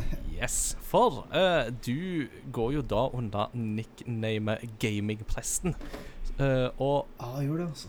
ja, så eh, gi oss en kort introduksjon av deg sjøl først. Altså, nå har du jo nevnt litt, liksom eh, på en måte sånn hvem, altså alder og hvor du jobber og sånne ting, men hvor begynte på en måte Ta oss med gjennom på en måte gaminghistorien din litt. Grann. Ja, jeg har, og dette har jeg tenkt på opp igjennom uh, siden Jeg må bare si at jeg, er, jeg har jo, hører jo på podkasten deres uh, som til vanlig, så det, jeg kjente det var jo umåtelig stas. Kjente jeg ble litt kry av å bli invitert. Mm. Eh, jeg til og med har hørt på podkasten på vei opp til Sande i bilen, og kona mi har blitt med å høre på. Hun kan jo ingenting av dette, men jeg syns det er artig for det. Eh, min spillhistorie Altså, jeg har, jeg, eh, har vokst opp da i Sande i Vestfold. Og eh, min første PC var med Windows 95, eh, hvor vi spilte medfølgende spill eh, som eh, krevde ram med ett siffer, gjerne. Mhm. Eh, og mindre enn det. Eh, jeg tror det første spillet jeg kan huske å ha spilt, det er et av disse spillene som kom Jeg vet ikke om dere husker disse bladene? Hva heter PC-verden, eller hva enn? Eh, hvor det fulgte med sånne demoer. Ja, ja, Husker ja. du det? ja, ja, ja, ja, ja. Mm. Ja, ja, ja. Eh, og et av disse spillene var sånn Jeg jeg husker, tror det het Sim Tower. Yes. Eh, sånn, ja, veldig, veldig sånn andre, dårlig versjon kanskje av SimCity. Det var første jeg spilte. Og så eh, var det eh, SimCity 3000. Mm. Mm. Eh, men det første spillet som jeg på en måte forelsket meg sånn skikkelig, det var da Age of Empires 2. Age of Kings. Mm. Eh, jeg var eh, type da, hvor gammel kan jeg ha vært? Ti år. Ridderinteressert, middelalderinteressert. eh, og likte strategispill sånn fra før. Eh, så dette var jo bare sånn her ah, Jeg spilte meg gjennom de campaignsa. Og så, litt uti der, så fant jeg ut at det var en kode som heter Aegis. Mhm. Eh, som du kunne skrive inn, og ting gikk veldig mye fortere. Eh, så det var der. Men jeg var ikke noe sånn nær at jeg på en måte gravde meg Eller stengte meg inne og bare gjorde det. Men eh, Og så hadde jeg heller ikke vi fikk, Jeg fikk aldri lov til å kjøpe konsoll. Eh, ikke at Altså, jeg har ikke Ja, trist, trist oppvekst. Nei, jeg har ikke hatt det, altså. Men, eh, eh, så da måtte vi gå til kompiser for å spille det. Ja. Så da var det Golden Eye. Eh, kanskje det beste skytespillet som noensinne er laget, eh, syns jeg. Mm. Så jeg, jeg håper denne remaken blir veldig bra. Det gleder jeg meg til. Um, det gikk det i. Og da Mario Kart, Super Mario, Jeg husker Mye av min oppvekst var å sitte og se på Joakim spille Super Mario. Yes. Mm. Eh, fordi vi fikk aldri lov til å prøve, for at han, det var han som kunne dette. Ja. Um, Alle hadde en sånn venn. Ja, alle hadde en sånn venn. Ja. Kan vi ikke hjem til, hvis ikke hjem til deg, da. Nei, nei, nei, så ble alle hjem til han. Mm. Han, han som hadde fire kontroller, så det var, Hmm. var der vi var. Um, nei, så flyttet til Kvit... Vi gikk på Kvitsund gymnas i tre år. Uh, og klart, der hadde vi Hvis, hvis det er noen Kvitsund-lyttere, da, så hadde vi Kvitsundluften. eh, Som var dette velkjente wifi-nettverket med ca. Ja, 0,2 megabyte per sekund. Um, og i, på, når jeg begynte på Kvitsund, så kom også World of Warcraft for fullt inn. Mm. Og jeg tror at hvis du setter opp en sånn graf med karaktersnittet på norske videregående skoler eh, og antall brukere på World of Warcraft, så er det det er en sammenheng som ikke er sporiøs. Eh, Ja, det kan godt Fordi- være. ja. ja, det er jeg nesten overbevist om. Eh, men jeg ble ikke helt med på den bølgen. Men det er ett spill som jeg da på en måte ble skikkelig fanget inn i der på videregående. Og det for at du har på en måte sånne mainstream-spill da som alle spiller. Ikke sant? Det er ikke sikkert du kan kalle deg en skikkelig gamer engang hvis du spiller de spillene mye. Ikke sant? Det er, eller du er gamer, er du da, men ikke sant? du er Fifa, som er på en måte sånn mainstream. Fortnite eh, og Minecraft òg, til en viss grad. Eh, men så har du noen spill da som på en måte er sånn der, eh, som du må dykke litt dypt inn i, og som gjerne har noen sånne der community som er ganske små, men som finner hverandre. da Og det jeg nerdet på videregående, det var Stepmania. Ja. Ja, Eh, og- ja. Så for de av dere som ikke vet eh, hva det er, så er dette det dansemattespillet hvor det kommer piler opp. Eh, og der eh, spilte jeg online, eh, og jeg tror at jeg var topp 25-20 i Norge på dette spillet. Eh, Wow. og, ja, og, det, og jeg lastet opp en video på YouTube for ti år siden med sånn gameplay. da Jeg gikk i tredje klasse videregående. Og jeg øvde hele tredje klasse for å spille konkurranse på TG. Wow. Eh, Fett. ja, altså, når jeg, I type 2010 så dro jeg på TG for å spille to spill. Det var Age of Empires 2 og det var Stepmania. wow. eh, eh, og der møtte jeg da mine sånne nettspillere da, som jeg har spilt sammen med. Og eh, deltok i Stepmania-konkurransen. Røk ut i første runde. Åh. Men du var med, iallfall. Jeg var med, og det ligger da en video av meg ute eh, hvor jeg Det var ganske Det var, det var jeg påstå det var høyt nivå. Altså. Eh, kostet meg sikkert en karakter i snitt, men eh, var det verdt det? det er en fin historie, da. En veldig fin historie å se tilbake på, iallfall, om ikke annet. Og du må veldig gjerne de Det er og du må veldig gjerne dele den videoen i uh, kommentarfeltet til denne episoden på Facebook, hvis du tør. Det er Jeg fint, gjør det, altså. for jeg tenkte som så at skal jeg liksom skal jeg, eh, Det er to ting jeg ikke har gjort. da Det ene er at jeg, jeg har ikke slettet et eneste Facebook-innlegg som jeg har hatt siden jeg fikk Facebook i 10. klasse.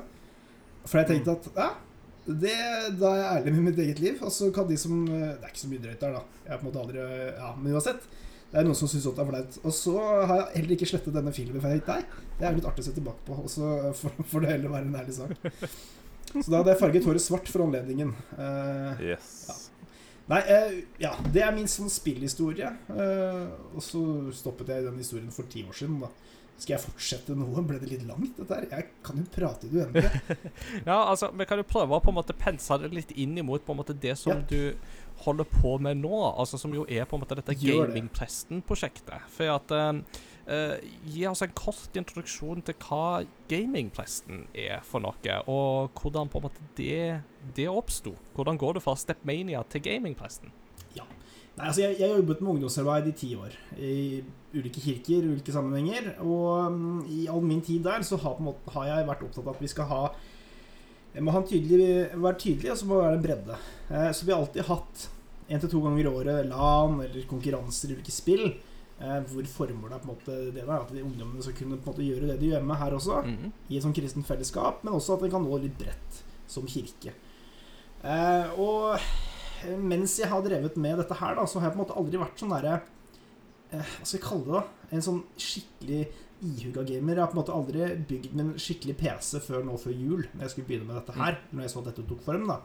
Eh, men jeg har uansett sett det, og en ting jeg på en måte har savnet, det har vært liksom noe som krikk e-sport. Eller altså Og ikke, ikke nødvendigvis at man skal drive en sånn evangeliserende greie inn i gamingmiljøet, men at vi skal At den skal som læres Altså den skal på en måte kunne backe opp de som på en måte er kristne da, i et gamingmiljø. At de skal på en måte få et fellesskap. Mm. Det er savnet litt.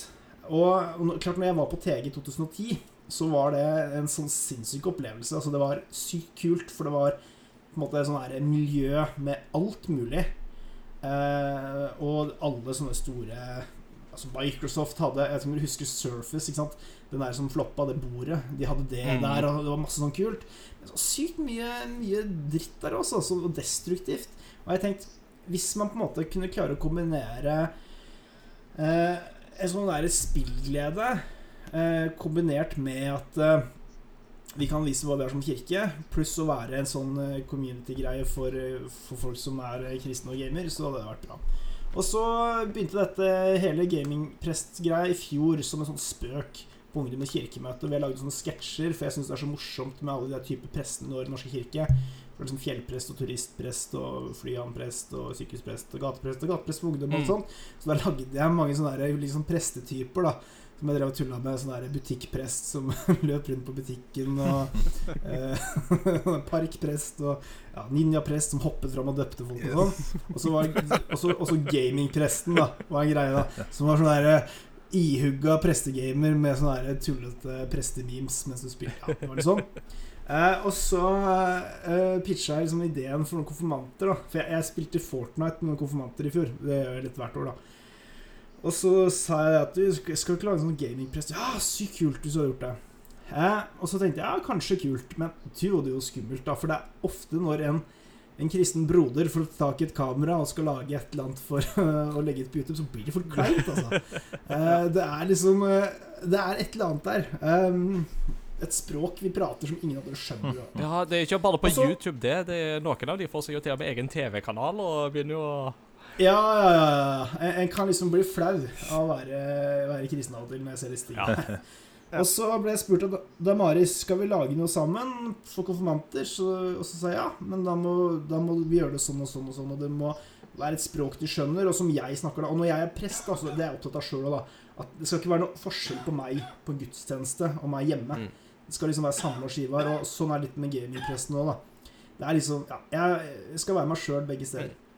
Da oppsto gamingpresten, og så tenkte vi ja, dette skal vi gjøre. Vi gjør et eller annet der. Vi lager en YouTube-kanal hvor formålet er å kunne eh, invitere folk til å snakke om tro. Og det vi kommer, som vi har gjort fram til nå, da, liksom på den Minecraft-serveren, så er det noen som er ateister, og andre ikke. Og i noen episoder så snakker vi om tro, men på en liksom naturlig måte, uten at vi på en måte krangler med hverandre. Eh, og så er vi hyggelige med hverandre og har det gøy der. Eh, og det kommer vi til å gjøre på de ulike seriene. da Invitere forskjellige folk som tror på forskjellige ting, og så snakker vi om det. Så det er på en måte litt av hensikten egentlig med kanalen. da Å kunne løfte fram det der og kunne snakke om tro, filosofi og etikk og hvordan vi forstår verden, samtidig som man spiller et spill. mm. Kult. Det er sånn Ja, og så oppsto dette nå pga. korona. Eh, fordi at eh, jeg fikk lov nå i to uker av min sjef Jeg sendte en melding Du, nå har vi ikke så mye annet å gjøre. Eller vi har mye annet å gjøre, da, men eh, nå har jeg tid. Kan vi lansere gamingpressen nå? Ja, du gjør det vel uansett, du. Du, du spurte mer om tilgivelse enn tillatelse. ja. Nei, og så gjorde vi dette nå på to uker og lagde en Minecraft-serie, og som har fungert ganske bra, syns Ja. jeg. Uh, holder på med en konkurranse om, med, hvor det er 30 menter nå som er med og bygger sin lokale kirke. Og litt sånn forskjellig. Så det er, sånn oppsto dette. Som bygger sin lokale kirke i Minecraft, da, rett og slett. Mm. Det er jo temmelig imponerende. Kult. Ja, så nå er det 30 servere som er oppe og går. Oi, det er kjempe, kjempemessig. Ja, det er kult. Veldig kult. Ja, nei, det er jo veldig mange av de tingene som du snakker om der, som jeg jo føler mm, Jeg, jeg, jeg hører jo at det er jo veldig mye det som resonnerer med hvordan jeg sjøl iallfall tenkte da vi var med på å starte opp denne podkasten. At det var At det er en del av på en måte de samme tanken og grunnprinsippene som kanskje ligger litt til grunn i i, Mm. i på en måte ønsket og visjonen, og bare det å på en måte kunne bygge et fellesskap eh, på den måten, da. Eh, et godt og sunt fellesskap. Så det, det høres kjempespennende ut. Mm. Uh, så altså Jeg tenkte jo òg å liksom spørre om hvordan og sånt, men det, det har vi jo allerede på en måte toucha innom og sånt. Men hvordan har reaksjonene jevnt over vært på prosjektet? Altså, nå er det jo ennå ganske ferskt, så det er kanskje ikke så mange av uh, de eldre menighetsmedlemmene som har kommet til deg etter gudstjeneste og snakket om denne Minecraft-serveren. Men uh, hvordan har reaksjonen hadde vært eh, så langt? Jeg, kan ta den morsomste reaksjonen først. da det var, altså, Dette var, det var oppslag i Dagen, den kristne avisen Dagen på dette her. Klart De har jo en leseskare som nødvendigvis ikke er målgruppen direkte, kan man si da for det vi holder på med på denne kanalen. Men da var det jo da skal Jeg, jeg kan jo anonymisere personen, da. Men det var jo da Oddveig på 85 som hadde sett dette og gått inn på YouTube og skrevet en veldig kritisk kommentar, for hun forsto ikke noe av språket. Jeg snakket altfor fort, og lyden var altfor dårlig, og skjønte ingenting.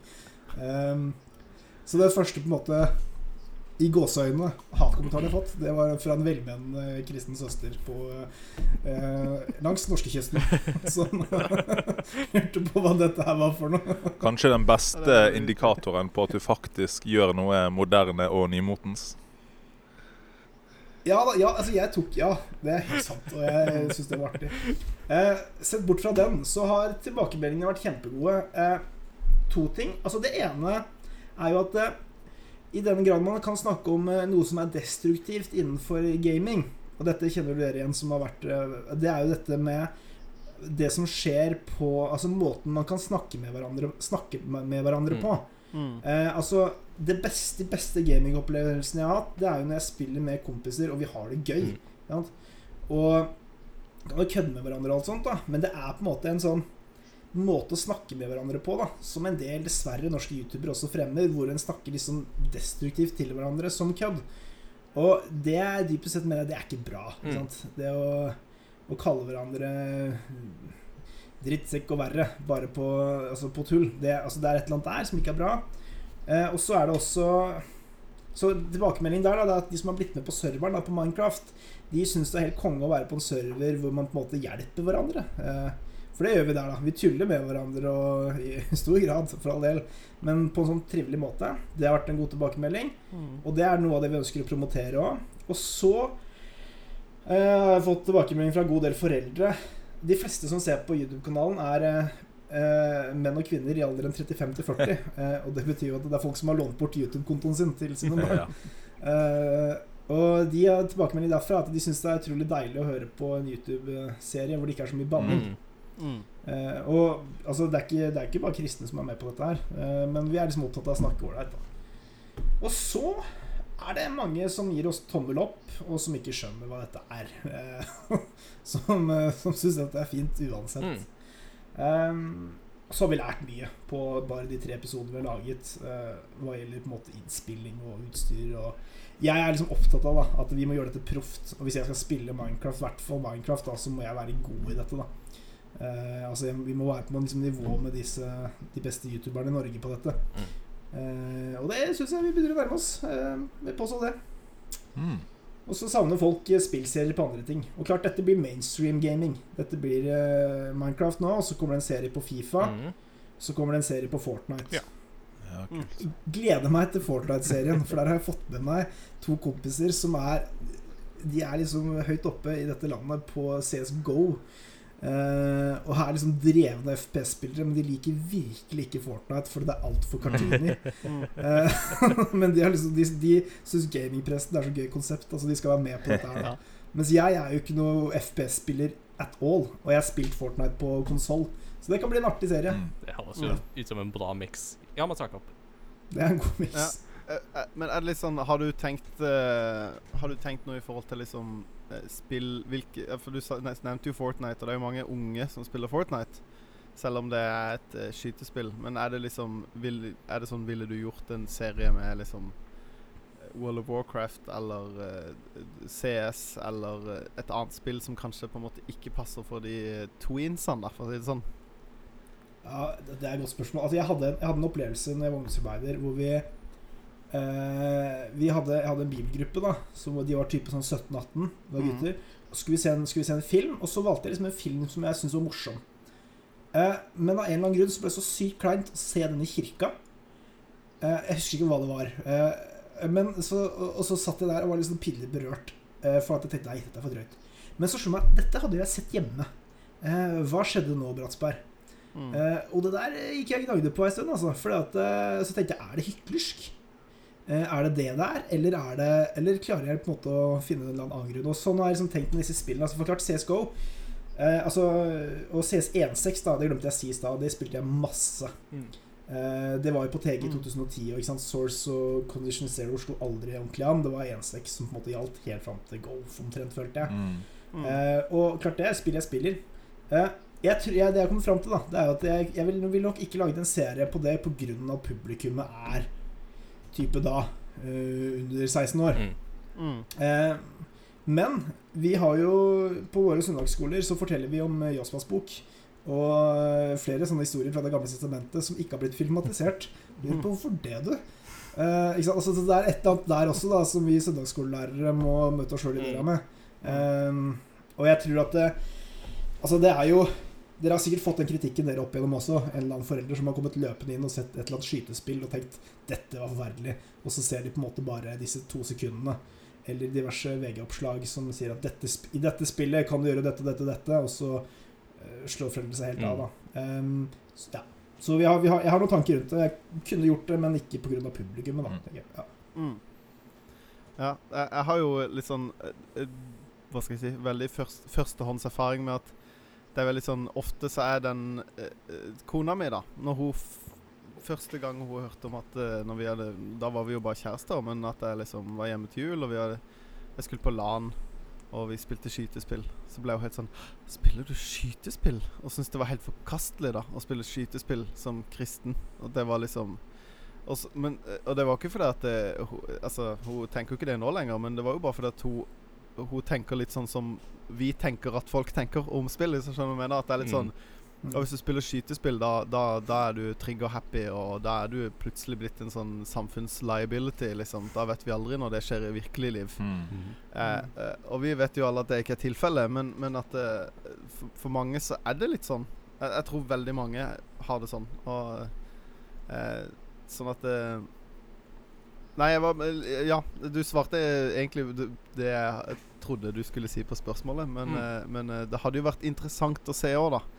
Eh, I en annen form noen snakker om sånne spill på en, fra et kristent ståsted, og liksom vise det litt fram, da. Men Ja, det, er jo, det er jo litt vanskelig uansett å overbevise dem om at ja, se, nå skyter han i hodet, og det er greit. Mm. Eller sånn. Ja, altså, det, er jo, det, er vans det er vanskelig å gjøre det når man snakker fra veldig forskjellige plattformer, da. Mm. Men uh, det hadde vært interessant å få det til. Det er eh, krevende, det der, men det har vært veldig gøy.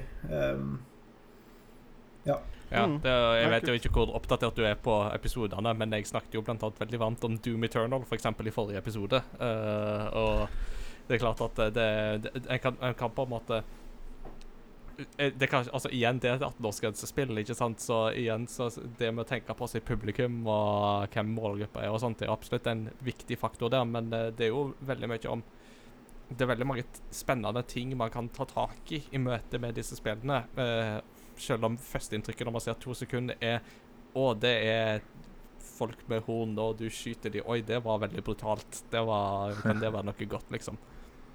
Så Mm. Ja. Jeg tror Og, og klart, jeg, det skulle jeg sagt i stad. også. Klart også GTA-serien, da.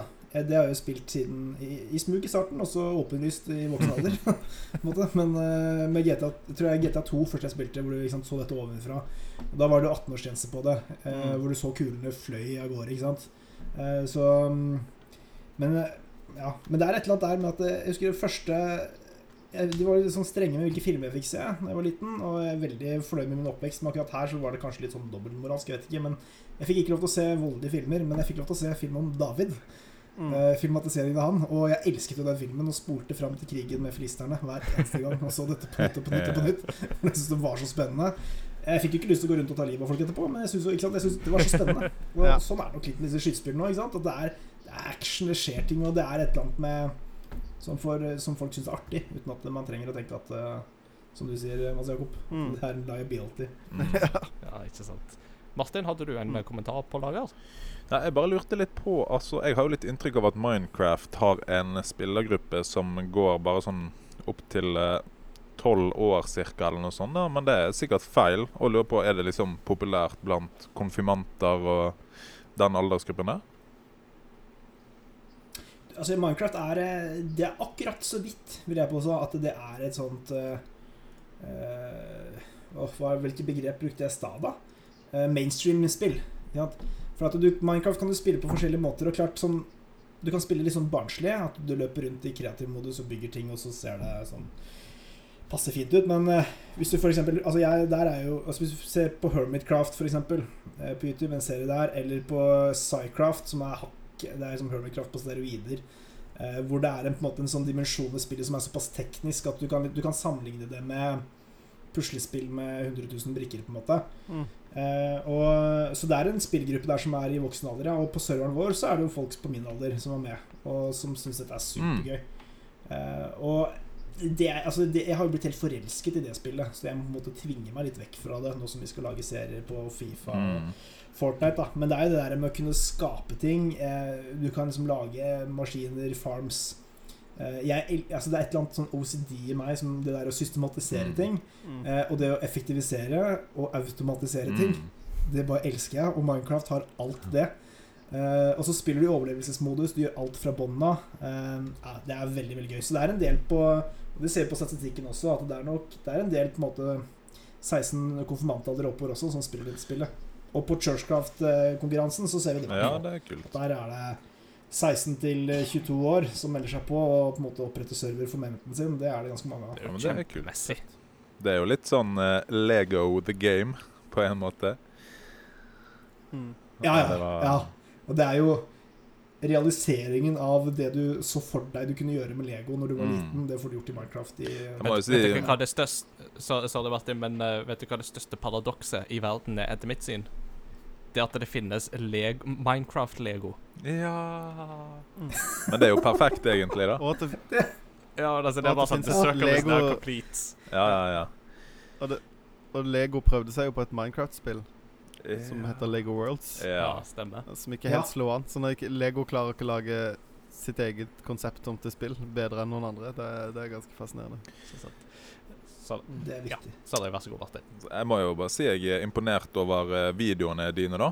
Og det var veldig kult, det her eh, slottet du har laget, og den eh, smeltemaskinen. Den var veldig stilig. Hvor lang tid har du brukt på Ja. det, liksom? Åh, ja, men, altså, hvor lang tid brukte jeg på den? Da var jeg på en måte ny på serveren. Eh, nei, det tok ikke jeg tror fire timer, tre, tre timer kanskje. Ja. Fire timer. Eh, noe sånt noe. Og så man blitt bedre og bedre Mm. etter hvert. Så i tredje episode eh, nå så kom Creeper Farmen, og den brukte jeg to timer på. Og var veldig fornøyd med. Det er nesten sånn speedbuilding, Mm. følte jeg. Stilig. Jeg er kjempeimponert over alle som klarer å bygge noe som helst jeg, i Minecraft. og sånt. Jeg bare blir plassert ut i det, så jeg bare sånn Jeg, jeg har ingen rammer, da, da, da sliter jeg. Mm. Men det er sånn all, Alle sånne spill som liksom enten Little Big Planet eller Super Mario Maker eller Minecraft eller Dreams eller Alle sånne spill som egentlig har det der kreative elementet i seg, så jeg er bare sånn I have no idea what to do with this place. Kanskje du, Ingar, kan være med på vår PVP-event. Vi skal, eh, apropos Vi skal ha eh, neste uke neste uke der igjen. Vi har laget en så, holdt på å lage en sånn Hunger Games-bane. Ja, ja, ja. Altså, Det, det, da begynner vi med en gang å snakke litt mer eh, ting jeg kan gjøre. Ja, det color me interested. Nei, hvis det, hvis det lar seg gjøre, så hadde det jo vært gøy å få det til. Altså det, er det, iallfall veldig tydelige rammer. det som må skje, er jo at uh, Ingar bygger Batmobil, streamer inni i Minecraft live version. Det hadde vært noe. Og, og, og for deg, så, så, de lytterne som da ikke skjønner det, dette konteksten her Jeg har da brukt de par siste ukene på å bygge Batmobil i Lego og streame det live på YouTube mens jeg har bygga. Så det er sånn Bob Ross bare med Batmobil i Lego i stedet. Yes. Altså, der lo jeg feil ting. Så Jeg bare lo at du skulle streame det live, og så har du Ja. faktisk gjort det. det var, tok Oi. fire videoer, tolv timer og 3306 klosser. Speechless. Takk. Tusen takk. Tusen takk. Men du, had, du, hadde, du hadde noen bygget da? Det var ikke på frihånd? Nei da, det var en instruksjonsbok som var liksom tjukkere enn uh, Salomos ordspråk, og uh, var liksom 614 trinn, om jeg ikke husker feil.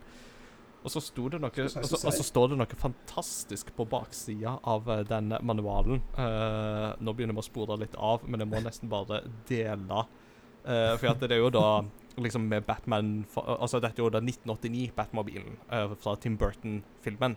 Uh, og den Batmobilen er fortsatt min favoritt. Og så er det jo med den logoen på framsida av instruksjonsboka, som jo da er svart. Og så på baksida så finner du òg Batman-logoen, og så står det da Uh, nettadressa visitlego.com slash DC Superheroes. Find related products, videos and an ending brooding darkness. The endless brooding darkness. so dark. So dark. Very mysterious. So dark. Og hele den videoen så sitter jeg og bare tenker liksom mens jeg bygger Batmobil I only work with black. And sometimes very, very dark grey. Swear to me. Nei, det ble en eh, liten digresjon uh, på slutten der. Uh, siste spørsmålet som jeg har til deg, Lars Ivar, er Du har jo snakka litt om holdt jeg på å si, um, velmente, velmente Dagen-lesere sine reaksjoner eh, på dette her eh, opplegget. Men hvordan er det hvordan er reaksjonene sånn fra på en måte det andre spekteret, eller andre enden av eh, spekteret? Eh, hvordan opplever folk rett og slett bare sånn gaming og prest i kombinasjon? Er det litt sånn 'Å, det var spennende', Ja. eller føler de litt sånn 'Å, det var anstrengt'? Altså du kan si Min største frykt i møte med dette her, eh, det er jo at dette skal bli sånn kristenkleint. Eh, som er et ord som beskriver ting som er kristent. Ja. Litt, sånn som den Instagram-kontoen 'Ting som ser sykt kristne ut'. Yes. Yeah. Riktig. riktig. Og det handler om innstillinga her. Jeg er jo glad i spill i utgangspunktet, ikke sant? og ønsker å promotere både spillglede og kunne snakke om tro, for det har man til felles med andre, og kunne liksom backe opp de som, folk som er kristne og spiller. eh, løfte det opp. Og da tror jeg da funker det. Ehm, og så er jeg ikke redd for å Jeg er ikke redd for å snakke og Jeg er tydelig på det jeg tror på, og så er jeg ikke noe redd for det. Og så tror jeg er Jeg er jo født rund i kantene, eller i hvert fall ble det etter, etter puberteten. Eh, Så ja, jeg har aldri opplevd konflikt i menighet, sa jeg til en kompis, og så sa han det. Du har sannsynligvis opplevd det mange ganger, men bare aldri lagt merke til det. Eh, ja. Eh, så jeg tror det hjelper litt på. Og så, mm, men jeg har da noen sånne jeg har noen sånne, vi, test, jeg, vi lagde fire episoder før vi laget den første. da Bare for å teste funker dette. ikke sant? Og det er en kompis som god venn av meg. eh, Han tror ikke på Gud, men jeg spurte han hva syns du om dette. Nei, nå fikk jeg lyst til å begynne å spille Minecraft. Da. Så jeg ja, det er fint. Og så eh, også første den trospraten da, som jeg hadde med pappa Nim, som er på den serveren. Eh, som ateist. Og så sendte jeg det tilbake til han, og han syntes også dette var veldig bra. Eh, så da satte vi med en liste over ting som vi skal snakke om videre, da. Mm. Eh, og det er kult. Så tilbakemeldingene har vært gode, Mm. altså. Og fra viktigste er kanskje fra konfirmantene, Mm. da. Han ene var sa, Han ene som jeg spilte Fortnite med i fjor, han sa Ja, jeg var spent på hvordan dette ble, sa han. Eh, Men han syntes også det var kjempebra, så han har liksom blitt med på serveren nå da, og syns det er deilig å være et sted hvor er Hvor folk er hyggelige. Nei, så jeg syns tilbakemeldingene har vært gode, men igjen, da. Jeg får ikke med meg konflikter. Altså, det er sikkert masse Kanskje masse sånne ting rundt som jeg ikke har hørt. Men responsen har vært god, tror jeg. Vi nærmer oss på en måte Målet er jo å kunne komme over 1000 abonnenter og kunne, for å få en sånn YouTube-lisens på dette, hvor man kan ja, få abonnenter og litt sånn type ting. Eh, Så nå har vi 200 abonnenter, og vi har liksom ikke gjort en sånn kjempeinnsats enda på å løfte det skikkelig opp heller. Så det blir spennende å se. Kult. Så jeg syns responsen har vært god. Jeg må si Mm. det. Ja. Mm. Kjempebra. Så da, hvis folk er interessert i dette, så er det da bare å gå på YouTube og søke opp Gamingpresten, og så finner de det ganske umiddelbart. Jeg har testa det sjøl, så det tok ikke lang tid å lete dere opp. En del av um. Det blir en del av ukens anbefaling å sjekke Gamingpresten. Ja, det blir en uh, anbefaling. Wow. Det må vi si. Jeg kjente jeg Det var godt. Ja. Var godt. Nei, men uh, tusen takk for den uh, introduksjonen til konseptet dere holder på med. Det er jo uh, kjempespennende å høre og følge med på, og ikke minst å høre at det faktisk treffer At det treffer folk, og at det treffer en målgruppe. Så det blir veldig spennende å følge med på, på det videre framover.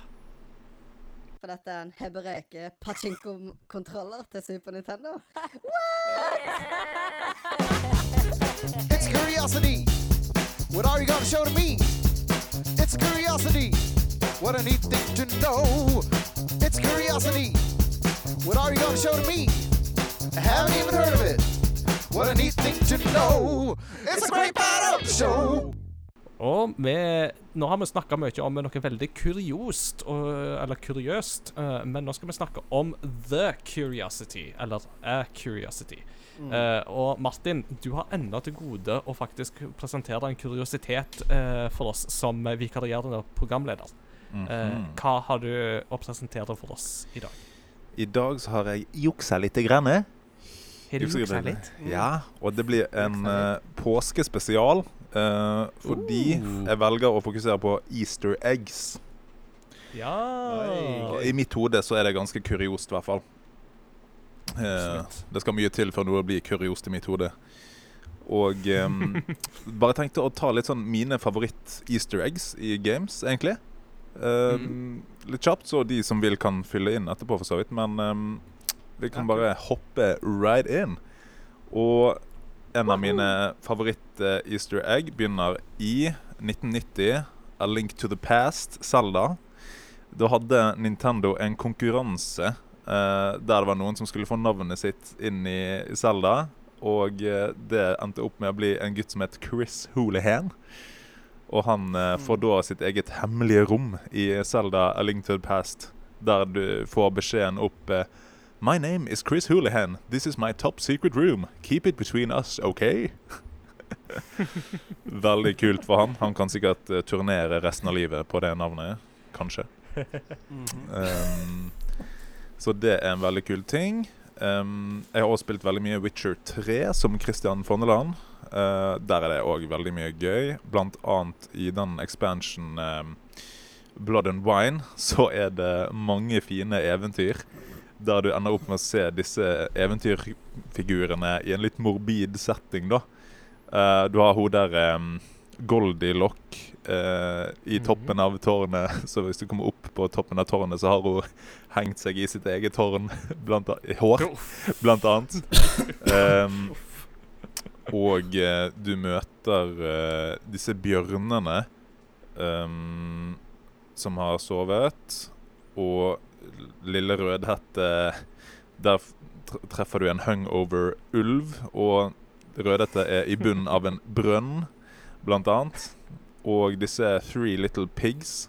Da kan du liksom eh, blåse ut det ene huset med det her tegnet ard. Ja, ja, ja. ja. Og eh, fyrstikkjenten har da endt opp med å ikke kunne leve av å selge fyrstikker og begynt å selge dop osv. Så, videre. så det er liksom en eh, morbid, eh, fin eh, Morbid, fin samling av eh, eventyrkarakterer der. Eh, Borderlands 2 har mange fine. Eh, blant annet eh, så begynner enten Claptrap eller han eh, bad guyen. Nå glemte jeg selvfølgelig navnet på farten der. Men eh, en av de begynner å snakke om A double rainbow, som de ser i spillet. Denne her eh, YouTube-filmen som de begynner å si Wow! rainbow, what does it mean? Yes! Veldig fin. Og der er, apropos Minecraft, så kan du finne en Minecraft-hule i Borderlands 2, faktisk. Med, Ah. med creepers. Og eh, hvis du slår gjennom eh, disse eskene, så kan du få en sånn eh, Minecraft-hodepixel-hjelm. så du ser ut som en eh, Minecraft-figur. Veldig gøy. Og um, Diablo 2 har noen eh, gøye En secret cow level. Der du har liksom kuer som går på bein og har eh, øks. Og uh, Diablo 3 har jo da en sånn eh, enhjørning-level. Som er veldig fin og rosa. Eh, Metal Gear Solid har jo den veldig fine Psycho Mantis. eh, som er Mhm. ganske genial på flere måter. Han leser memory-kortet og setter deg ut med sånn Oh, do you like uh, Zelda Ocarina of Time? For han skjønner liksom at du har spilt det. Um, og eh, du klarer Det er umulig å slå han hvis du har kontrolleren i slott 1. Du må liksom uh, bytte kontrollerslott Mm. for å klare å slå han. Uh, veldig gøy. Så er det faktisk flere Mario easter eggs i Zelda-spill. Eh, Det er riktig. du har i Ocarina of Time, så er det ved Hyrule i begynnelsen, der du ser Zelda for første gang bli slått der, så er det sånn portrett av Mario og Luigi oppi hjørnet der. Mm. Og um, Mm. i Majora's Mask så ser du han um, Det er vel Majora han heter, som selger masker. Han har en sånn Mario-maske. Mm, Ehm, Han happy, happy, happy mask salesman. Ja, det er den scenen min. Ehm, og selvfølgelig Portal 2. The cake is a lie. The cake is a lie. Det er Ratman-rommet der. Du skjønner. Kanskje da du begynner å skjønne at det er noe som skurrer eh, her. -hmm. Så det er jo da mine favoritt-easter eggs. Så det er bare å fylle inn eh, for dere andre hvis det er noe. Mats Jakob har én, vet jeg. Ja, jeg har en som jeg syns er, er veldig god, og det er i Doom eh, 2016. Så er det under et sånn eh, Jeg har ikke spilt så langt, jeg har bare sett det på YouTube. Og så sjekker jeg videoen nå bare for å være sikker på at det er riktig. Men det er i et uh, område så er det et sånt stort fjell som har et sånn der dragetårn. Mm. Uh, og inni der så er det en hule, og der er det et skjelett som har på seg eh, eh, Dovakin sin hjelm fra Skyrim, som sitter bøyd ned, og så er det en pil i kneet. I took an arrow to the knee. Oh. Took an arrow to the knee, rett og slett. fantastisk. Det Den syns jeg, den synes jeg er veldig fin. Gøy detalj. Og så Mm. kommer vi jo ikke vekk ifra, Mats Jakob, at uh, du og meg, som jo er fan av Ready Player One, vi, må, vi vet jo Mhm. hva spillet som var det første til å ha et easter egg. Ja. Oh yes. Det var Adventure på Atari 2600. Det Mm. er riktig. Det spørsmålet klarte jeg i quizen din. Yeah! Rett og slett. Så ja, det var jo en eh, god dose med easter eggs, for å si det sånn. Så hadde du en til? Jeg vil bare oppfordre lytterne til å fylle inn på discorden med sine favoritt-easter eggs på um, Ja. lytterposten, Ja. eller der de ser det passer. Under kuriositet, kanskje. Eh, Mm. Siden vi jo nå Mm. poster på kuriositeten der, så kommer vi jo til å poste en del av disse her som vi snakker om nå. Mm. Kult.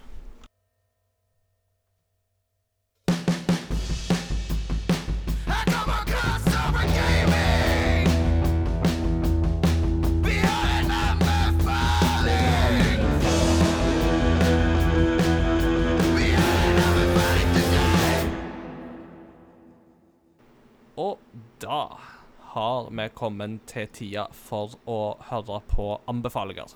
Og når vi da har eh, gjester på besøk, så syns vi det er kjekt å høre hva gjestene våre vil anbefale. Så Lars Ivar, bortsett fra eh, YouTube-kanalen Gamingpresten, hva har du lyst til å anbefale til oss?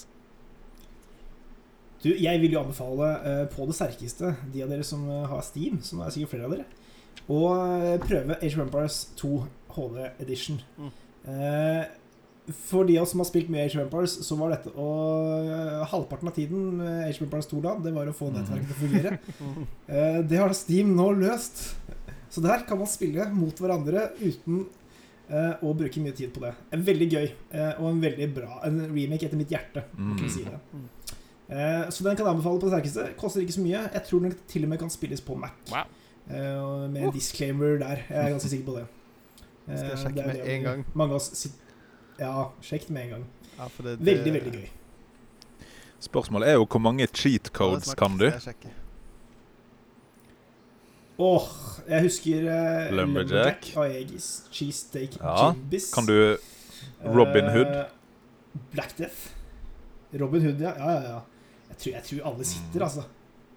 Jeg tror eh, jeg, jeg, Ja, vi printet det ut Uh, eh, ark i den tiden. Da hadde vi ikke telefon, så vi måtte printe ut koden, og så satt vi med de på siden av oss når vi satt og spilte. Ah, For å få det til. times. Sammen med sånn RNR2, RNR2, runding, trekant, runding, trekant. good ja. Good times. En liten uh, Good times. trist fun fact er hvis du skriver Wimpy, Wimpy, Wimpy, så tar du da suicide. Nei, uff da. Så det. Og så har du, men ikke minst, How do you turn Ja. this on? På Age 2. Da fikk du disse bilene. Det er veldig morsomt. Mm. Mm. Ja, du får biler som kommer, som tar Ja, ja, alt. ja. Ma Mats Jakob fant ut av det. Er Age of Empires 2 mulig å spille på Mac? Uh, den originale det er altså Age of Empires 2 som kom ut i 2013, er ikke det. Men uh, nå, det går så seint her. Men hvordan er det med Definitive Edition som kom ut i fjor, da? Mens han Jeg fortsetter å leite, er det eventuelt andre anbefalinger du har lyst til å slenge ut uh, eh, til oss? Jeg kan anbefale de av dere som er skeptiske til Minecraft. Uh, F.eks. Uh, undertegnede oppe i mitt høyre hjørne på, eh, som heter Ingar. Uh, og gi, gi dette spillet en sjanse. Sjekk ut, altså, sjekk ut Hermitcraft-sesongene på YouTube. De kan anbefale. Det er, det en utrolig artig samling av gamere eh, spredt over denne verden. Eh, som har eh, veldig forskjellig innsteg til dette spillet, men som spiller på samme server. Eh, veldig gøy. Da kan du på en måte se hva Minecraft kan være. eh, og som er utrolig underholdende å se på. Eh, sesong sju er i gang på det nå. og Den følger jeg tett. Da, da skal jeg prøve å huske det. Eh, huske å sjekke det ut. Ja. Med det så begynner vi å nærme oss eh, en avslutning på episoden. Og da er jo tida kommet for eh, et av eh, de viktigste leddene vi har, nemlig postludia. Så Lars Ivar, jeg tror jeg vet hva bane dette kommer til å gå i når vi skal snakke om postludium, men hva, hva vil du anbefale? Eller hva er det du vil presentere for lytterne våre?